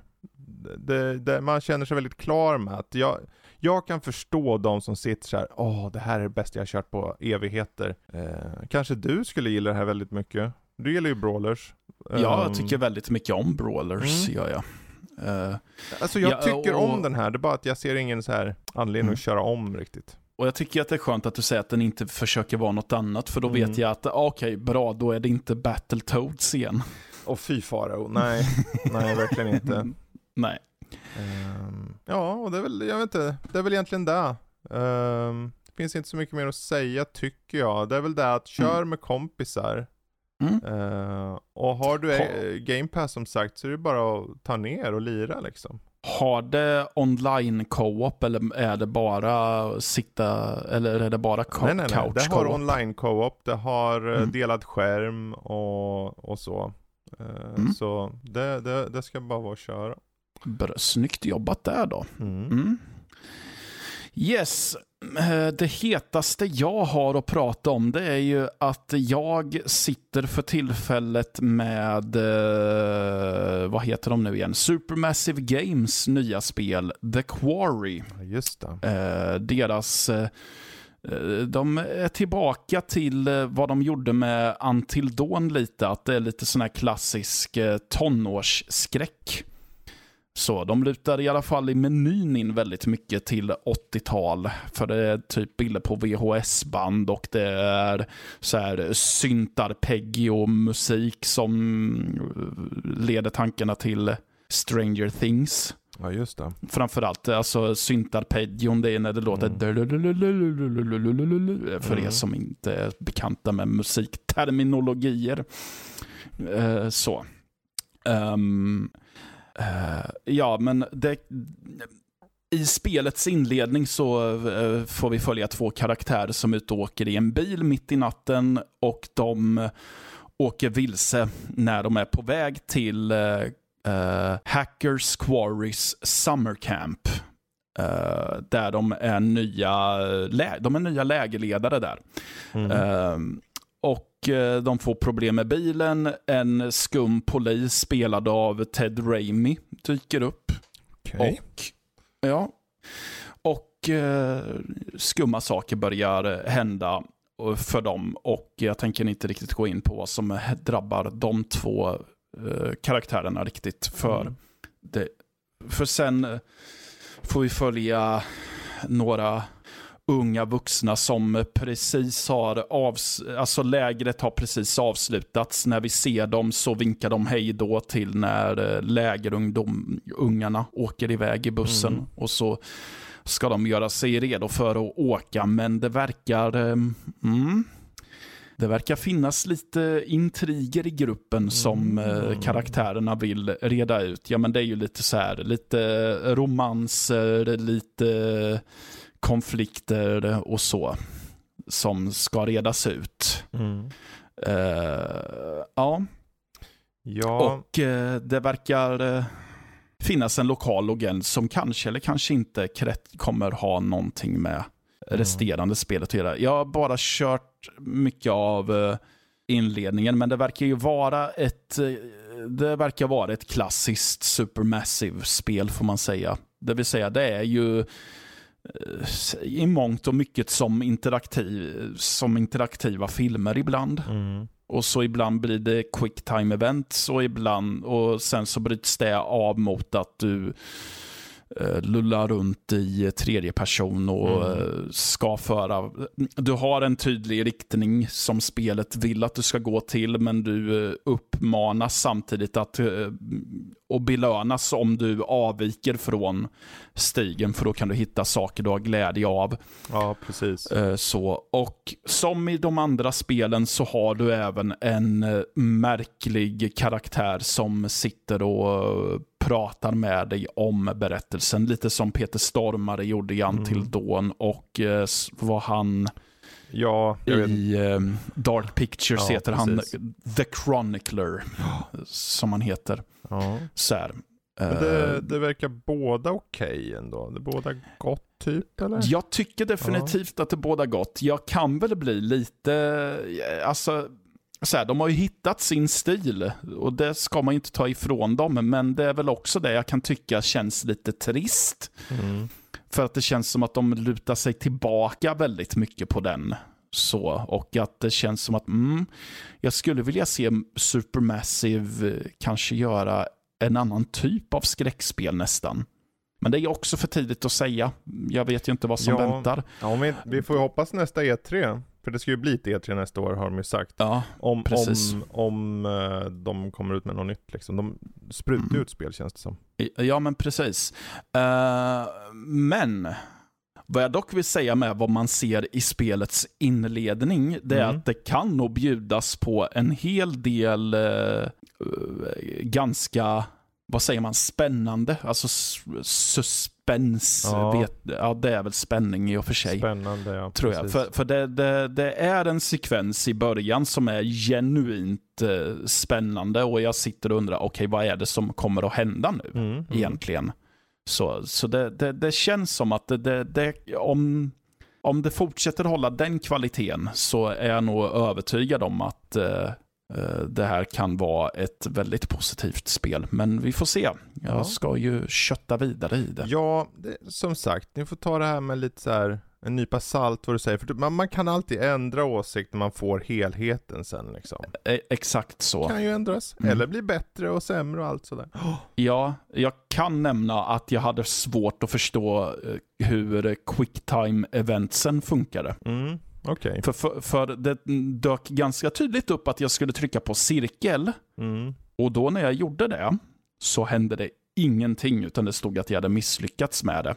Mm. Då reagerade jag på att det var som en liten vit ljusgrej som sken åt en riktning. Okay. Så ska, man ska tydligen trycka in ring Och sen så är det en riktning med vänster styrspak för att lyckas med dem. Mm. Mm. Så, ja, det var lite så.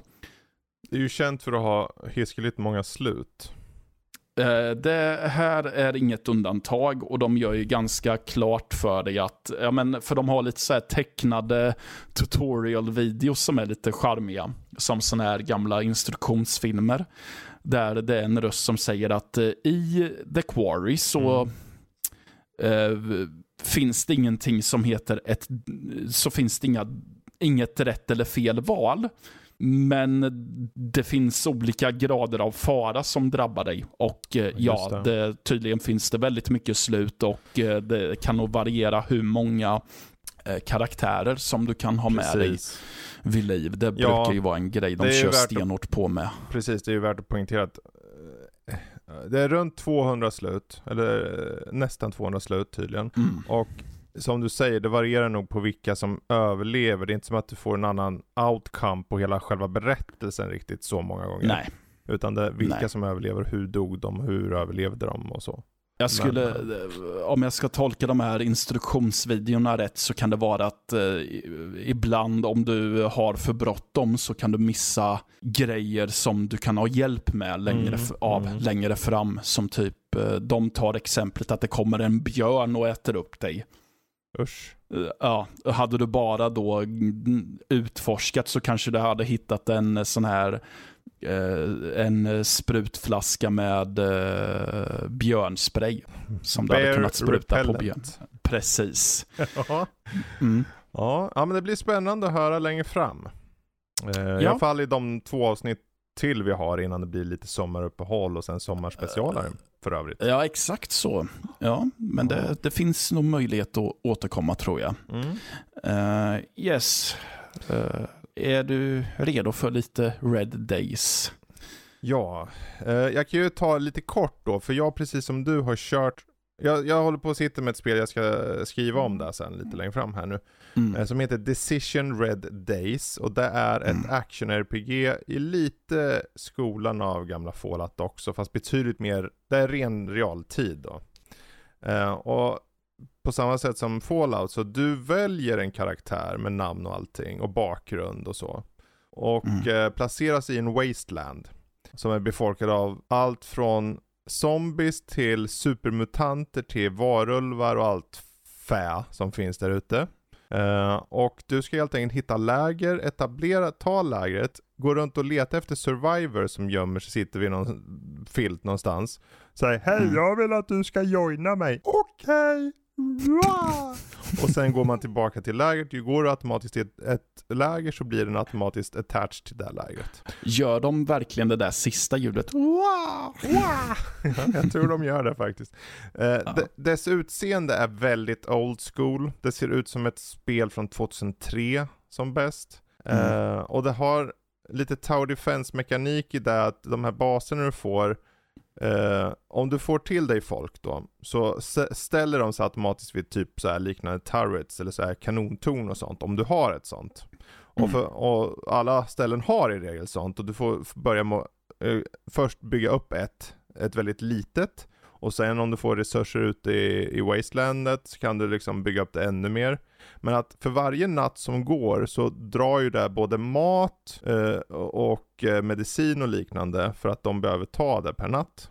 Så att du behöver hela tiden leta in och få in sånt och lägga i den där stan. Och får du flera städer eller eh, platser, då måste du ju lägga även på dem. För att de har också folk i sig som sitter Jag vill ha mat! Var är min mat pappa?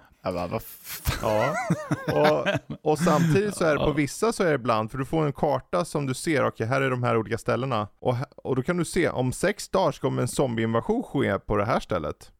Mm. Och då måste du se att de har ammunition där också. För du måste se till, inte bara mat och medicin, de måste ha ammunition. För de här eh, gun towers som de har byggt ett sånt, den kräver ju ammunition såklart. Mm. Men det fina här, om du tar de större städerna så kanske du får en workshop och du kanske får eh, ett shelter eller någonting. Så du kan bygga bättre saker och hjälpa de andra ställena och liksom så. Och ju fler folk du samlar ihop så kan du springa runt med en sjumannatrupp och bara mosa snoret ur varenda supermutant och varulv och eh, Bengt-Åke Lindblom som står ute i, i Wastelandet och väntar på att bli skjuten. Det är en zombie alltså. Bengt-Åke Lindblom, Ja. en särskild typ av zombie det. Precis. Mm. Så det här är en udda mix av top-down eh, vy med ett action-RPG med lite, tau- lite tower defense-mekanik, det är apokalyps, det ser inte så jävla bra ut. Det är relativt djupt, men om du inte gillar det här crafting survival och du måste liksom ge... Det är inte som att det är jättesvårt att ge. Ger du bara en stor mängd skit så klarar de sig en vecka eller flera veckor, för det går en dag att ta ganska lång tid. Så än så länge är det okej. Det är okej. Eh, och Ja. jag, det visar sig att jag var nog rätt person att ta det här, för jag kan se vad det försöker. För många ser nog utseende och tänker det här ser ju, vad är det här? Varför ser det så Mm. fult ut? Men eh, jag tycker det har något. Och det kostar Ja. typ 20 euro. Och du får ju säkerligen väldigt mycket tid. För till exempel i ett läger finns det en slags, eh, man kan kalla det som en, eh, en liten station, tänk dig en radiostation. Du, om du bygger ut den så får du en ring runt din lilla, eh, din lilla ort, din lilla stad eller vad det nu är. Och där blir en repellent för zombies. Så har du en ring runt så kommer de inte gå in. Och uppgraderar du den, då ökar ringen utåt. Och vid något tillfälle så kommer öka så pass långt att den revealar bossar. Så då Okej. springer du ner och tar den där fyra meter höga zombien med en klubba som står 'Jag kan döda dig' Och så skjuter du han i huvudet om och om igen och till slut han dö. Och så får du lite extra loot och så springer du tillbaka och lämnar fem kilo smör i basen så de har lite att käka. Och, och sen Åh, letar du vidare, hittar fler baser och så vidare. Eh, Berättelsemässigt inte så mycket att snacka om, det är ju ett survival-spel mer eller mindre. Mm. Men äh, det är okej, det är inte det bästa. Ja, men det, inte det sämsta. Nej. Och är du, gillar du genren så tror jag det kan vara värt att titta in eh, Decision Red Days. En mer eh, djupare förhoppningsvis recension kommer till veckan. ja, men det, det låter ju som att man kan få ut någonting av det i alla fall, känns det som. det tycker jag. Mm. Det tycker jag. Ja, eh, jag har ju, kan väl ta det avslutningsvis här, Yes. eh, så har jag även spelat ett spel som heter Chinatown Detective Agency. oh, just det. Ja, Så här cyber noir va? Ja, men precis. Utspelar sig lite i framtiden, så det är lite augmented reality-grejer som Mm. försiggår. Vi spelar som en tjej som eh, håller till i, China, i Chinatown-distriktet i Singapore. Okej. Där hon har öppnat, öppnat en eh, detektivbyrå och så börjar hon ta sig an eh, fall. Mm. Och eh, vi får eh, spela fyra stycken olika typer av fall. Och de eh, är alla på olika sätt. Någon vill ta reda på några frimärkes eh, ursprung. Eh, någon vill att man ska leta reda på en försvunnen person och någon annan vill att man ska ta reda på företagshemligheter Mm. Bland annat. Och sen när du har i, spelat vardera fall här så måste du sen eh, välja vem av de här klienterna du vill jobba fulltid för. Mm. För du, det finns en tidsmekanik i spelet, så du kan misslyckas med fall om du tar för lång tid på dig, till exempel. Och Mm. du kan missa eh, bo, eh, bokade möten om du inte hinner dit i tid och så. Så du kan misslyckas med fall här. Mm. Och eh, då kan du ju inte ägna dig åt fyra stycken klienter samtidigt. Då måste du välja. Och eh, när du väl har valt vem du jobbar fulltid för så är det valet gjort och du måste ladda om en sparfil eller börja om från början. Eh, Okej. Och likaså så kan man, allt eftersom spelet går, så kan man expandera sin verksamhet till större lokaler och man kan eh, anställa andra som Mm. gör annat jobb för dig och så. Så det, det är väl intressant att de kastar in lite management-saker i den här. Det, Kan, en, ju, kan ju gå in lite sen på vad det är för något typ av spel och hur det ser ut. det skulle jag göra nu. Okej. Eh, Det är ju ett peka-klicka-spel. Annars. Ja, just det. Eh, Så av, det ganska, av ett ganska klassiskt mått så det är pixelgrafik och det är leta objekt och det är dialogträd. Mm. Så det, det är väl ändå intressant att de slänger in den här management-grejen där tycker jag. Mm. Jag har inte riktigt hunnit eh, pilla på den så mycket. Vad som dock definitivt står ut, det är hur de har designat sin pussel, pussel och problemlösning. Okej. Ja, för eh, det, det, det, det kräver ibland att du söker efter information på nätet. Okej. Och då finns det ju en, i UIn i spelet så kan du trycka på en knapp där det står webb. Och då öppnar sig en webbläsare upp. Och då tänker man att ja, men då öppnar spelets internet upp Ja, sig. ja, ja. Nej, det är din webb, egna webbläsare som Jaha. öppnas upp. Så du uppmanas helt enkelt till att googla efter ehm, svaret på de här gåtorna på egen hand. Mm. Och den är ganska ambitiöst gjord för det, just det när man jagar rätt på frimärken så är det eh, så ehm, har de ju tagit eh, frimärken som det finns bilder på, på via Google så att du kan hitta till artiklar som ger dig den informationen du behöver. Mm. Och så. Och alltså, jag tycker att det- jag tycker att det är ett intressant grepp. Definitivt. Och ja, det gör att jag känner mig som en detektiv på ett sätt. Men det jag också känner är att det tar, det tar mig ur eh, immersionen, eller vad Ja, man säger. inle- I, eh, inlevelsen. inlevelsen i spelet. För att det känns inte som att jag sitter och spelar. Och när det dessutom är ett peka-klicka-spel Mm. och jag ska öppna upp en webbläsare, då, då känns det som att jag sitter och fuskar. Ja. Plus att nu har ju, det här spelet har ju varit ute i några månader nu. Mm. Så vad det har fört med sig är ju att när du söker på de här ledtrådarna så kommer du eh, få upp artiklar som är just riktade till spelet. Precis. Så, vilket betyder att ja, ska, du, ska du då ta den enkla vägen i alla fall? För Mm. du kan ju inte hjälpa att det dyker upp för spelet vill ju att du ska googla på saker. Ja, precis. Eller ska du ta den långa vägen? Mm. Det här för ju även med sig att ibland är det lite...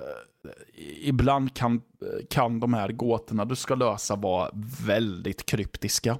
Så, och det är oklart för mig, ska jag hitta informationen i spelet? Mm. Eller ska jag hitta den på internet? Så det, jag vet inte, det, det, Det är lite Ja, jag- blandat. det är blandat. Jag kommer fortsätta att spela det, men... eh, Och jag beundrar ju att de försöker anpassa sig till Google-tiden, om man Mm. säger så. För det är ju det som är den stora fienden till den här genren egentligen. Mm. Att man är bara ett knapptryck och eh, en Google-sökning iväg från att ha eh, tagit bort allting som spelet har att erbjuda gameplaymässigt. Men jag tycker att det är intressant ändå, ett intressant grepp. Mm. Och ja, jag kommer definitivt spela vidare Ja. för att se vad som händer. Ja, Framöver. Kul, kul ändå att det finns, det finns något där under i alla fall. Ja, Liksom. jag tycker det. Ja. Mm. Chinatown Detective Agency, är den här på Game Pass eller har du köpt Den, den, finns själv? på, den finns på Game Pass för den som vill. Mm. Eh, där har vi också ett bekymmer kan jag säga om man spelar via, mm, om man spelar det på PC då. Uh, vilket, ja, så. Det är ju att uh, Game Pass-appen är inte så förtjust i att man klickar vid sidan av, så spelet minimeras ju hela tiden. Jaha ja. Ja, vilket Okej. är lite träligt. Det går inte Den att sätta i typ om- window mode eller något då? Det har jag inte ens tänkt på att man Boardless kan göra. window mode Ja. eller något så kan du bara Ja, det, det får jag testa helt Ja. enkelt. Det var ju lösning på ett icke-problem i så fall kanske. Vi får se, vi ho- hoppas att det fixar sig. Ja, exakt. Eh, ja, men det var vad vi har pysslat med i veckan. Mm. Ja, så då öppnar vi eh, den lilla frågeboxen Just det. och ser vad som ligger där. Då har vi Niklas. Jag vet inte om det är Nördlivs Niklas eller om det är en Eh. annan Niklas. Jag tror det är den gode Niklas som faktiskt, som Mm. Nördliv, eh, en av våra recensenter som har, Ja. ja. Han har ställt frågan, vad är era största film eller, eller spelupplevelser från det första halvåret? Och det ska vara, kan vara både positiva som negativa. Ja. Eh, vill du börja eller ska jag börja? Ja, alltså jag har ju eh, svarat på en liknande fråga innan. Och Mm. jag tror att mitt svar kommer att bli likadant som det var då. Det kommer bli en filmupplevelse för Mm. jag har inte haft en... Alltså jag har spelat bra spel första halvåret men det har inte varit någonting som har varit en stark upplevelse direkt för mig. Nej. Så jag kommer att säga, än så länge för mig är det The Northman av eh, Robert Eggers. Med Alexander Skarsgård i huvudrollen. Mm. Det var en så insupande film bara. Och den är så, den är så storslagen men ändå väldigt enkel på ett sätt. Att den balanserar det och den är så väldigt mystisk och eh, men även intensiv. Ja. Så. Mm. Ja. ehm, jag tar väl och besvarar både på spel och film tror jag. För mig är film är The Batman och Everything Everywhere All At Once. Mm. Det, det är de starkaste filmupplevelserna eh, sett till en positiv bemärkelse. Eh, vad gäller negativ bemärkelse så har jag nog förträngt allt som har varit. Ja, Dåligt. men det är väl samma här i så fall. Eh, så, så där kan jag faktiskt inte komma på något på stunden så riktigt. Ehm, I spelväg däremot, det har ju varit en bunt spel och det finns ju ett par som står ut. Eh, och jag tror att Dying Light 2, det lilla jag kört, känns väldigt lovande. Det Mm. var väldigt positivt det jag körde. Elden Ring är lovande. Eh, det står Ja, också just det. ut. Men de, ja. Eh, Kirby tyckte jag jättemycket om. Eh, faktiskt. Och eh, ja, det är väl de som står ut då. Eh, jag har fler som jag gillade. Men jag tänker man ska inte hålla på och rabbla upp varenda en. Det som står ut som det absolut sämsta spelet jag kört på väldigt länge, det var det här Ragnorium. Som var ett slags hittepåspel som de liksom, ja men vi skiter ut bajs här så får någon stackare köpare och tro att det är något de ska spendera tid på i ett par timmar. Och sen så förstår man att du måste börja om hela skiten för att köra del, eh, såhär, part 2 i kampanjen liksom. Kul. Okej. Jättekul. Ja, men ja, det var ju kul. Jag kom på att jag har en spelupplevelse och den Mhm. är ganska ny och det är Silt. Just det, Är Silt nog, ja. är nog den största spelupplevelsen för mig Mm. hittills. Även om jag också gillade både Dying Light och det jag har kört av Elden Mm. Ring också. Ja, ja men Eh, absolut. så. så. jag ser fram emot att köra det också faktiskt. Mm. Ja, Precis. jag kan inte säga något. Jag har kört ett som heter Sifu. Som, Mm. jag körde väldigt kort så jag kan inte säga så mycket om den. Men det lovar gott i alla fall. För det är väldigt så här kombobaserat och du måste vara exakt och lära dig moves och grejer. Det är väldigt kung fu. Och det är väldigt så här extremt estetiskt snyggt. Det känns som en kung fu-film. Som Mm. Bruce Lee eller något. Eh, Yes. Den, den kan vara något. Men eh, Mm. dåliga spel, eh, man glömmer, man vill ju inte tänka på dem riktigt. Och Nej. det är få som är urusla, bör sägas. Det, för mig var det ett i år hittills. Ja, jag har nog inte kört något som är riktigt uruselt, utan det har, det har varit mediokra som högst Mm. i så fall. Eh, så, men, jag, men det är också att jag kommer in, kan ju inte Du riktigt fick ju nämna. smaka på dolmen. Jag fick smaka på dolmen. Dolmen tyckte jag ju, tyckte jag ju ändå om. Ja. Ändå. Jag var ganska positiv, men det är också som jag tror att vi var inne på Den någon vet jag ju annan gång. namnet på uppföljaren på. Uh, Dolmen Rebirth. Just det. Ja. Eh, men det är ju som vi sa också att det, det kommer ju inte ha någon staying power direkt. Nej.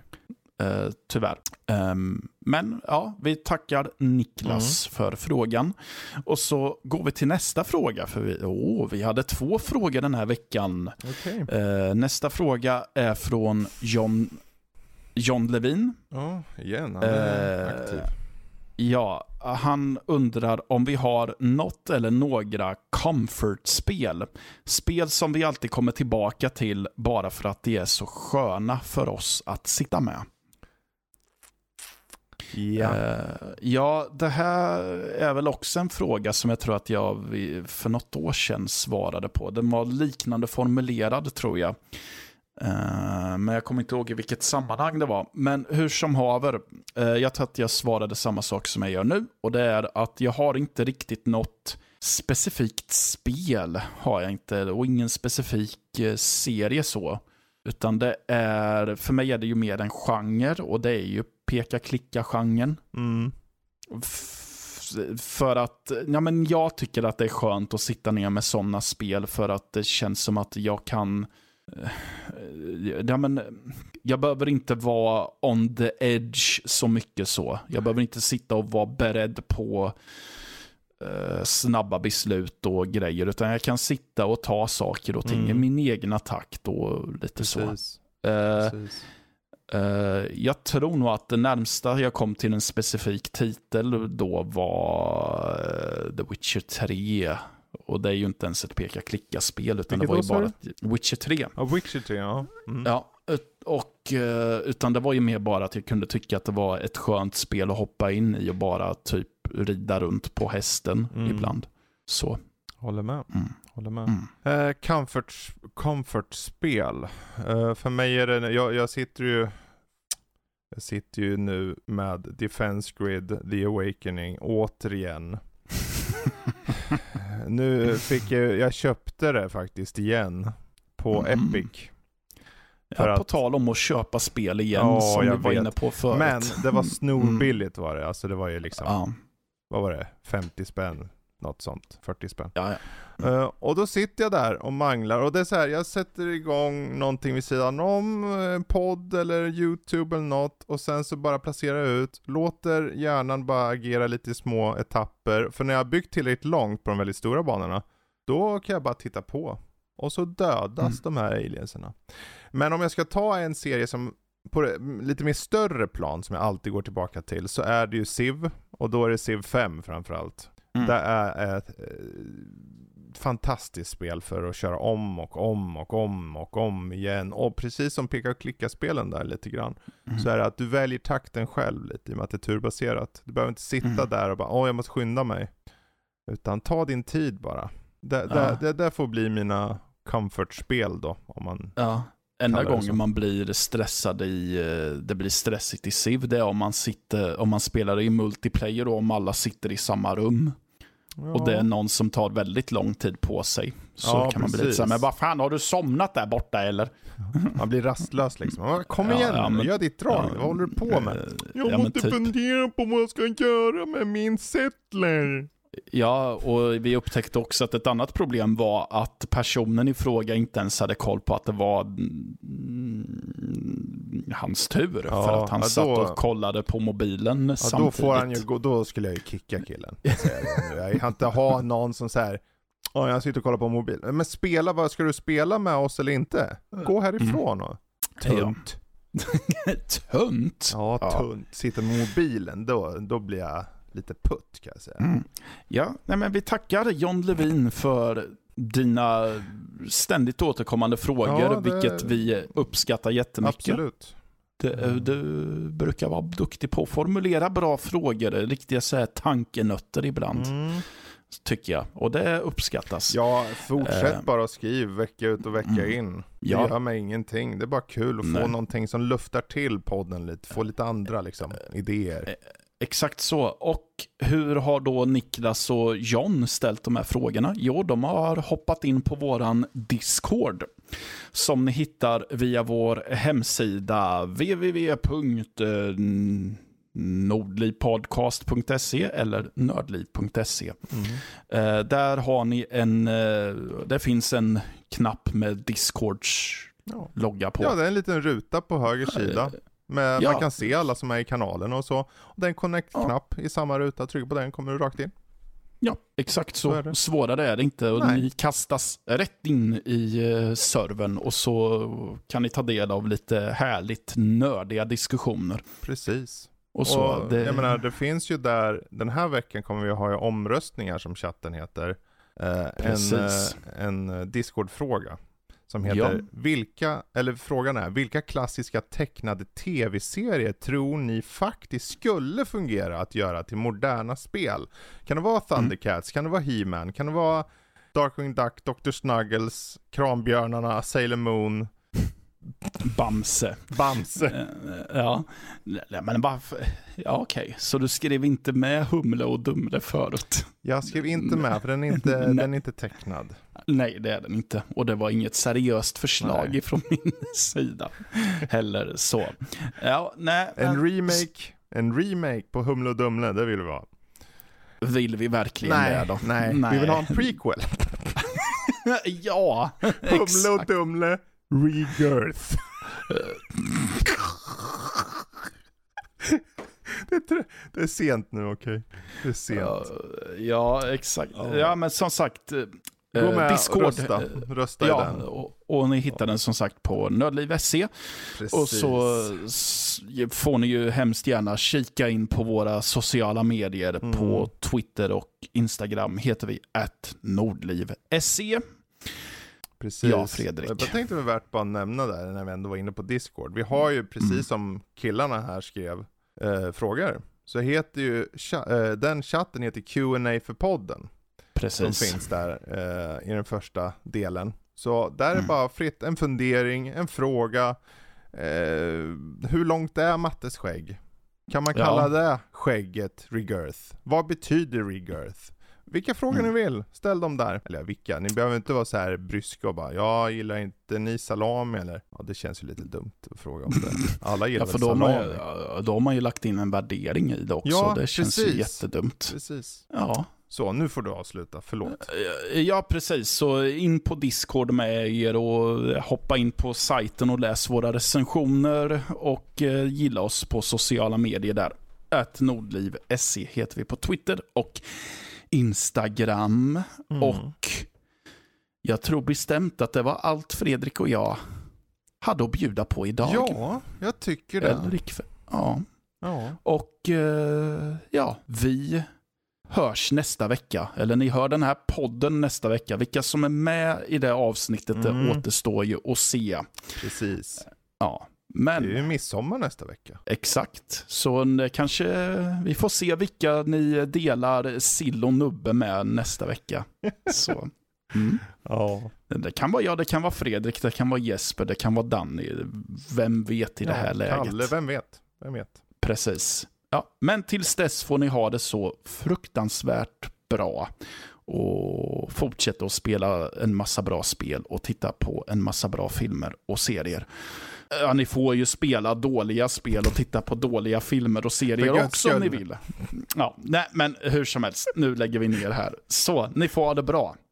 Hej då. Regirth.